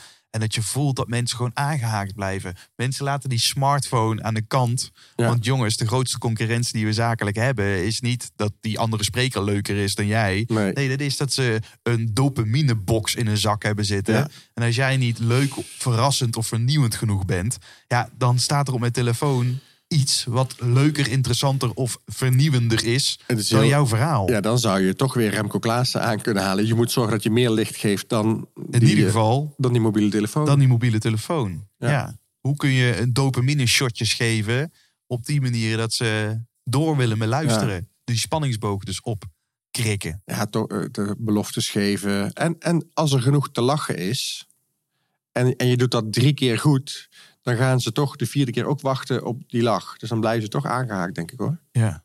Heb Humor, je, ja. humor is daar wel echt een, is daar het middel voor. Heb, dat vind ik zo gaaf. Hè? Dat op een gegeven moment creëer je een soort... Als de golven zo, zo snel zijn gegaan... creëer je een soort van tornado... dat echt geen reet meer uitmaakt met je, wat je doet. Ja. Maar dat mensen gewoon doodgaan van het lachen. Ja, En dat je ook eigenlijk niks meer grappigs doet... maar mensen vinden gewoon echt alles grappig. ja. Dit is ja, een soort lachen, een soort brain freeze. Alleen Mhm. dan hetzelfde als met humor. Een soort Ja. humor overdose... waarbij mensen gewoon... Zo'n stap maar... Eh, ik weet niet of dat ook of dat iets wat je herkent... of wat, wat, wat, ja ik die- juist bewust opzoekt of wat ontstaat tijdens een voorstelling. ja, vaak, vaak zijn die momenten dat, het, dat er echt niks meer fout gezegd kan worden, zijn ook de meest spontane momenten. Ehm, omdat je dan met z'n allen ineens in dezelfde situatie zit. En ik, ik heb dat wel een keer gehad hoor. En volgens, dat filmpje is ook eh, terug te vinden op YouTube. Dat is namelijk de, een van de weinige keren dat zoiets ontstond terwijl er camera's mee draaiden, zeg maar. Maar ik had ehm, ehm, Don Lafontaine was overleden. Dat is in Mhm. 2008. Dus ik denk dat als je ergens oudejaarsconferentie 2008 Don Lafontaine of zoiets in eh, typt, dan moet je het zien. En ehm, die man was de stem van de Amerikaanse filmtrailers. Van In a World. En, eh, Imagine. ja, eh, from the producers of. En ik had dus letterlijk, omdat ik niet zo goed ben met mijn stem, had ik een apparaatje dat je mijn stem heel laag hoort. En eh, Die gaat niet uit, toch? Precies moment. dat. Ja. Ja. Alleen dat, dat hadden we speciaal voor de tv-opname, hadden we dat apparaatje, want dan hoeven we dat niet meer in de After Effects te doen. Dan kan die stem echt laag. En, ehm, en dat, dat was ergens, hadden we dat één keer getest, een maand van tevoren. En toen had mijn technicus eh, één zin te laat dat apparaatje uitgezet. en toen heb ik die avond, een maand van tevoren, heb ik tegen hem gezegd: Oh, maar dat is leuk, dan moet je er gewoon inhouden. Ja. En een maand later, we hebben die tv-opname. En hij zet hem gewoon niet terug. dus elke zin erachteraan. Had die lage stem. Eh, mijn stem veel te laag. En op dat moment denk ik, ja, die hebben we ooit wel bedacht. Maar ik weet nu niet wanneer je hem terug gaat zetten. En dat is, het is ook een, een, een dingetje om bij de laatste voorstelling... doet de technicus meestal iets geks. Ja. Of die probeert je al te foppen of weet ik veel. En dit werkt in de zaal zo goed. Hij heeft hem gewoon echt twee minuten lang niet teruggezet. Jij je raakt ook op een gegeven moment zitten lachen en dan, dan lach je ook. Oh, oh, Ja, oh, precies dat. En, en, en, dus er ontstaat iets. Maar dat, dat, is, ik weet, dat is een van de fragmenten. Je hoort gewoon duizend man helemaal gaan. Ja. En ik zelf snap ook helemaal waarom ze gaan. Omdat ik een soort machteloos ben op dat moment, zeg maar. ja. Dus die, die puurheid, ik kan duizend dingen instuderen, maar die puurheid ehm, Dat is toch het moment. ontstaat. Ja. Ja, dat is dus toch de ontvankelijkheid. En dus dat er dus iets gebeurt wat ook jou soort van Ja. extra alert maakt. En dat vindt het publiek natuurlijk altijd heel erg grappig. En het is dus, ja, het is ooit eerder gebeurd. En we hadden toen al door, oké, dit is grappig, maar dit moet wel spontaan blijven. Dus doe dit dan maar. Maar ik had daar niet meer, ik wist niet wanneer dat ding weer uitging. Ja. Gaaf. Dus al, eh, ja. We gaan... eh, ik heb nog honderd vragen. Die ga ik, eh, ga ik niet in... misschien een andere keer Ja, stellen. We gaan naar de ontspot vragen. Dat Oh, zijn leuk. vragen die ik aan iedere gast stel. En dus het eerste wat in je opkomt, mag je antwoorden. Dus deze vragen had ik ook allemaal kunnen weten. Ja. Oké. Klaar? Wat is een boek wat je het meest cadeau hebt gegeven? Of wat je zelf enorm heeft geïnspireerd? Poeh, nou wat ik het meest cadeau heb gegeven is gewoon mijn eigen boekje. Boekje waar je blij van wordt. Want dat, dat deel ik dan aan iedereen uit, zeg maar. Het boekje Geluk? Ja, een boekje over geluk. En dat heet letterlijk het boekje waar je blij van wordt. Of het boekje waar je blij van wordt. Kunnen een paar gasten... Ehm, we kunnen er een paar, wil je er een paar weggeven? Ja? Ja, gaan we doen. hoe, wat moeten ze dan eh, doen? Eh, ja, we kunnen wel heel flauwe eh, prijsvragen. Zo moeten we allemaal niet doen, joh. Gewoon eh, de eerste vijf die jou een mailtje sturen, die krijgen een boekje. Oké. Zullen we dat doen? Eerste vijf die me een berichtje sturen met Ja. boek. Boek. Een boekje waar je blij van wordt. Boekje waar je blij Ja. van wordt op LinkedIn of in de reactie comments. Dan krijg je een boekje. Ehm, maar Ja, het boek wat het meeste indruk op mij heeft gemaakt. Ik lees niet zo heel veel, moet ik zeggen. Ehm, vind ik het moeilijk hoor. Hier gaan we ergens in knippen. En ik kom over tien seconden terug. misschien is het meer een eh, podcast dan of een film die we misschien zouden moeten checken.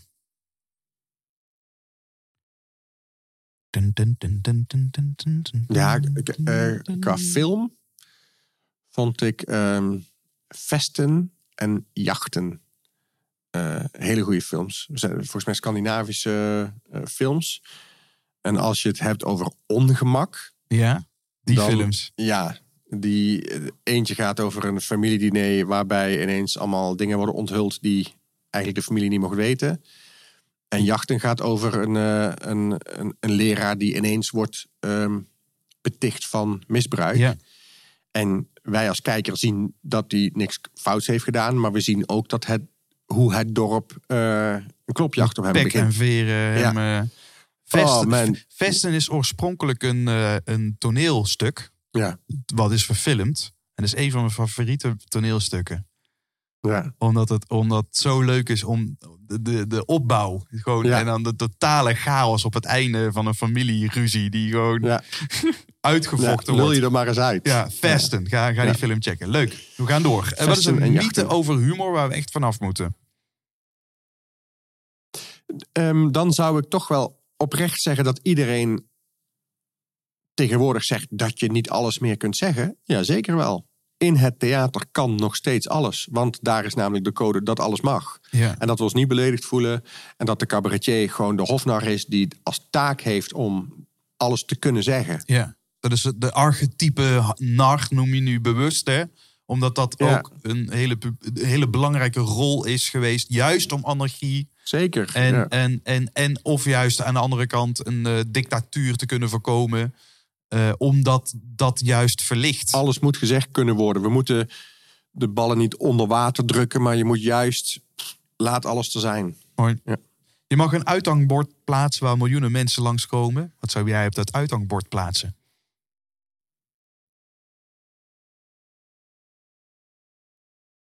Ehm, ik denk gewoon letterlijk de tekst Doe iets moois en heb het fijn. Hmm. Heel simpel, hè? Dus, dus eh, als ik het had over eh, geluk, Geluk. zorg dat je het zelf fijn hebt en doe iets moois voor anderen. Ja. Als we dat allemaal zouden doen, Als je dat toch kan combineren bij elkaar. Ja. Stel je voor dat angst geen rol meer speelt in je leven. Wat voor keuze zou je dan maken? angst speelt geen rol. Punt. Dat is, eh, ja, Ja. ik, Angst speelt geen rol? Oké. nee, en twijfel is iets anders dan angst. Maar ik ben no eh, ik heb ooit eh, mijn hele. Toen ik 18 was, haalde ik mijn volledige bankrekening leeg om een zaal af te huren om voor het eerst te gaan spelen. Eh een Ziggo Dome eh, vind ik ook alleen maar een uitdaging en, en is geen angst, maar is alleen maar leuk. Ja. Eh, ik ben ook niet bang voor de dood, maar ik ben eerder als de dood om bang te zijn. Hmm. Dus ik, ik ja, angst. Ik, ik, word, ik ga juist altijd wel aan als, als de situatie een beetje benauwd wordt of zo. toch de avonturier in je. Dan weet je toch dat je leeft. Ja, ja precies. Ja, dat je leeft. Wat is, eh, wat is voor jou een idool of inspiratiebron, persoonlijk? Ehm nou ja, onstage zei ik al. Ik vind Hans Theeuwen altijd, ligt altijd iets op de loer. Dat vind ik wel altijd leuk om te zien. Jos Burgers vind ik gewoon als integer persoon. Vind ik dat gewoon... eh, eh, kan ik altijd met, met plezier naar luisteren. En, en ik vind hem altijd inspirerend. En, en mijn oma, die al volgens mij in de jaren negentig is overleden. Ehm, nee, niet in de jaren negentig. Dat is helemaal niet waar, wat ik zeg. Nee joh, is veel later overleden. Ehm, maakt niet uit wanneer het was. Maar die had nooit een oordeel over mensen. Hmm. En dat is heel knap. Als je zelf gelooft, maar eh, iemand in de familie. eh, ja, dus als je, als je helemaal het geloof aanhangt en, je bent, eh, en de kerk zegt dat homofilie niet goed is en dat abortus niet goed is en weet ik veel. Maar binnen de familie weet je dat toch allemaal gewoon ruimte te geven en een plek te geven, omdat je gewoon niemand wil veroordelen. Ja. Dan ehm, ja, was het in haar situatie wel heel knap. Mooi. En dus dat niet oordelende, dat, wil je, dat is ook iets wat jij wilt meenemen. Dat zou ik graag doen. Tegelijkertijd als cabaretier is het natuurlijk altijd leuk om eerst ergens een oordeel over te hebben. En dan ben ik dan die, daarna die, die softe gast die zegt, maar laten we vooral elkaars hand vasthouden. Ja, dus je kunt zeggen, als je niet oordeelt, valt er een hoop van je humor of van, van de Tuurlijk, ja. weg. Ja, dat moet- begint met gewoon zeggen, wat een. Ja. En, eh, ja. Dus dat oordelen, daar zit heel veel humor in. In een mening hebben. En tegelijkertijd is, neem jezelf ook niet te serieus. Ja, ja, ja, dat is mooi. Je mag een eh, muzieknummer in de over gesproken jukebox stoppen. Ik vraag sprekers eh, vaak of ze een anthem hebben wat ze graag luisteren voor of na hun optreden. Ik weet niet of jij ook zo'n soort nummer hebt. Ik had eh, de. ehm, ik heb een paar maanden geleden voor Amazon een podcast. Of een podcast. Eh, een ehm, special opgenomen. En die begon met Human van Brag Bone. I'm only human after all. Ja. Ehm, en ik had daar een heel mooi idee bij van... eh, je ziet gewoon een hal met publiek in het donker. Je ziet mij lopen door de gangen. En je hoort alleen maar... Doedoedoe, doedoedoe, doedoedoe, doedoedoe. En je hoort dan die zaal... Doedoedoe. Alleen rechte technisch was het allemaal gedoe en weet ik veel. Dus, dus ik heb gewoon de echte opname van die avond met die muziek van Only Human. Die vind ik echt helemaal te gek. En dan zie je daarna terug in een special op Amazon. En hebben ze die muziek eruit ge, Ja. eh, er onderuit geknipt. Maar dat is wel een nummer wat gewoon lekker is. En ook gewoon, dat is, dat is ook gewoon wie we zijn. Hè? Met al onze zwakheden, met al onze, onze ijdelheid, onze hebzucht, onze... Don't onze put the blame on me. ja, we're only human. Ja.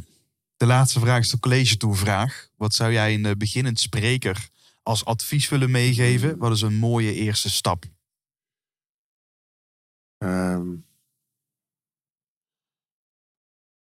dan denk ik, zorg dat je verhaal zo goed is dat je je niet druk hoeft te maken om je eigen performance of ego. Of Zorg gewoon dat je, dat je missie geslaagd is als je verhaal goed verteld is. En of jouw jasje nou goed zat, of dat je nou, nou goed je strot uitkwam, of als de boodschap van het verhaal is overgebracht, is het goed. Guido, dan is dit eh, twee uur durende gesprek goed. Dankjewel. Graag gedaan. Onvoorbereid, maar wel. Ja, ik weet ook niet of het eh, alle kanten op schoot, maar dan, dan, dan is dat wat het is, hè? Ja. Ja. Top. Hallo lieve luisteraar, je bent aan het einde gekomen van deze aflevering en ik wil jou heel erg bedanken voor het luisteren. Ook de gast van deze aflevering wil ik van harte bedanken voor alle waardevolle inzichten. En vond jij het nu ook een waardevolle aflevering? Laat me dat dan weten. Maak even een connectie aan via LinkedIn. En als je dat wilt, waardeer ik het enorm als je een review wilt achterlaten op je favoriete podcast-app. Dat helpt namelijk om de zichtbaarheid te vergroten, zodat we samen korte metten maken met plankenkoorts en leren spreken met meer impact. Wil je meer informatie over de podcast? Check dan mijn website www.glenvergozen.nl. En wil je zelf ook praten met resultaten? Dat kan. Ga dan naar www.desprekersregisseur.nl en meld je aan voor de gratis Online Sprekers Academy. Dit is een gratis online training met de negen beste lessen van twee jaar over spreken gesproken podcast. De missie van de Over Spreken Gesproken podcast is om jou te helpen je stem te vinden, zodat jij anderen kunt inspireren datzelfde te doen.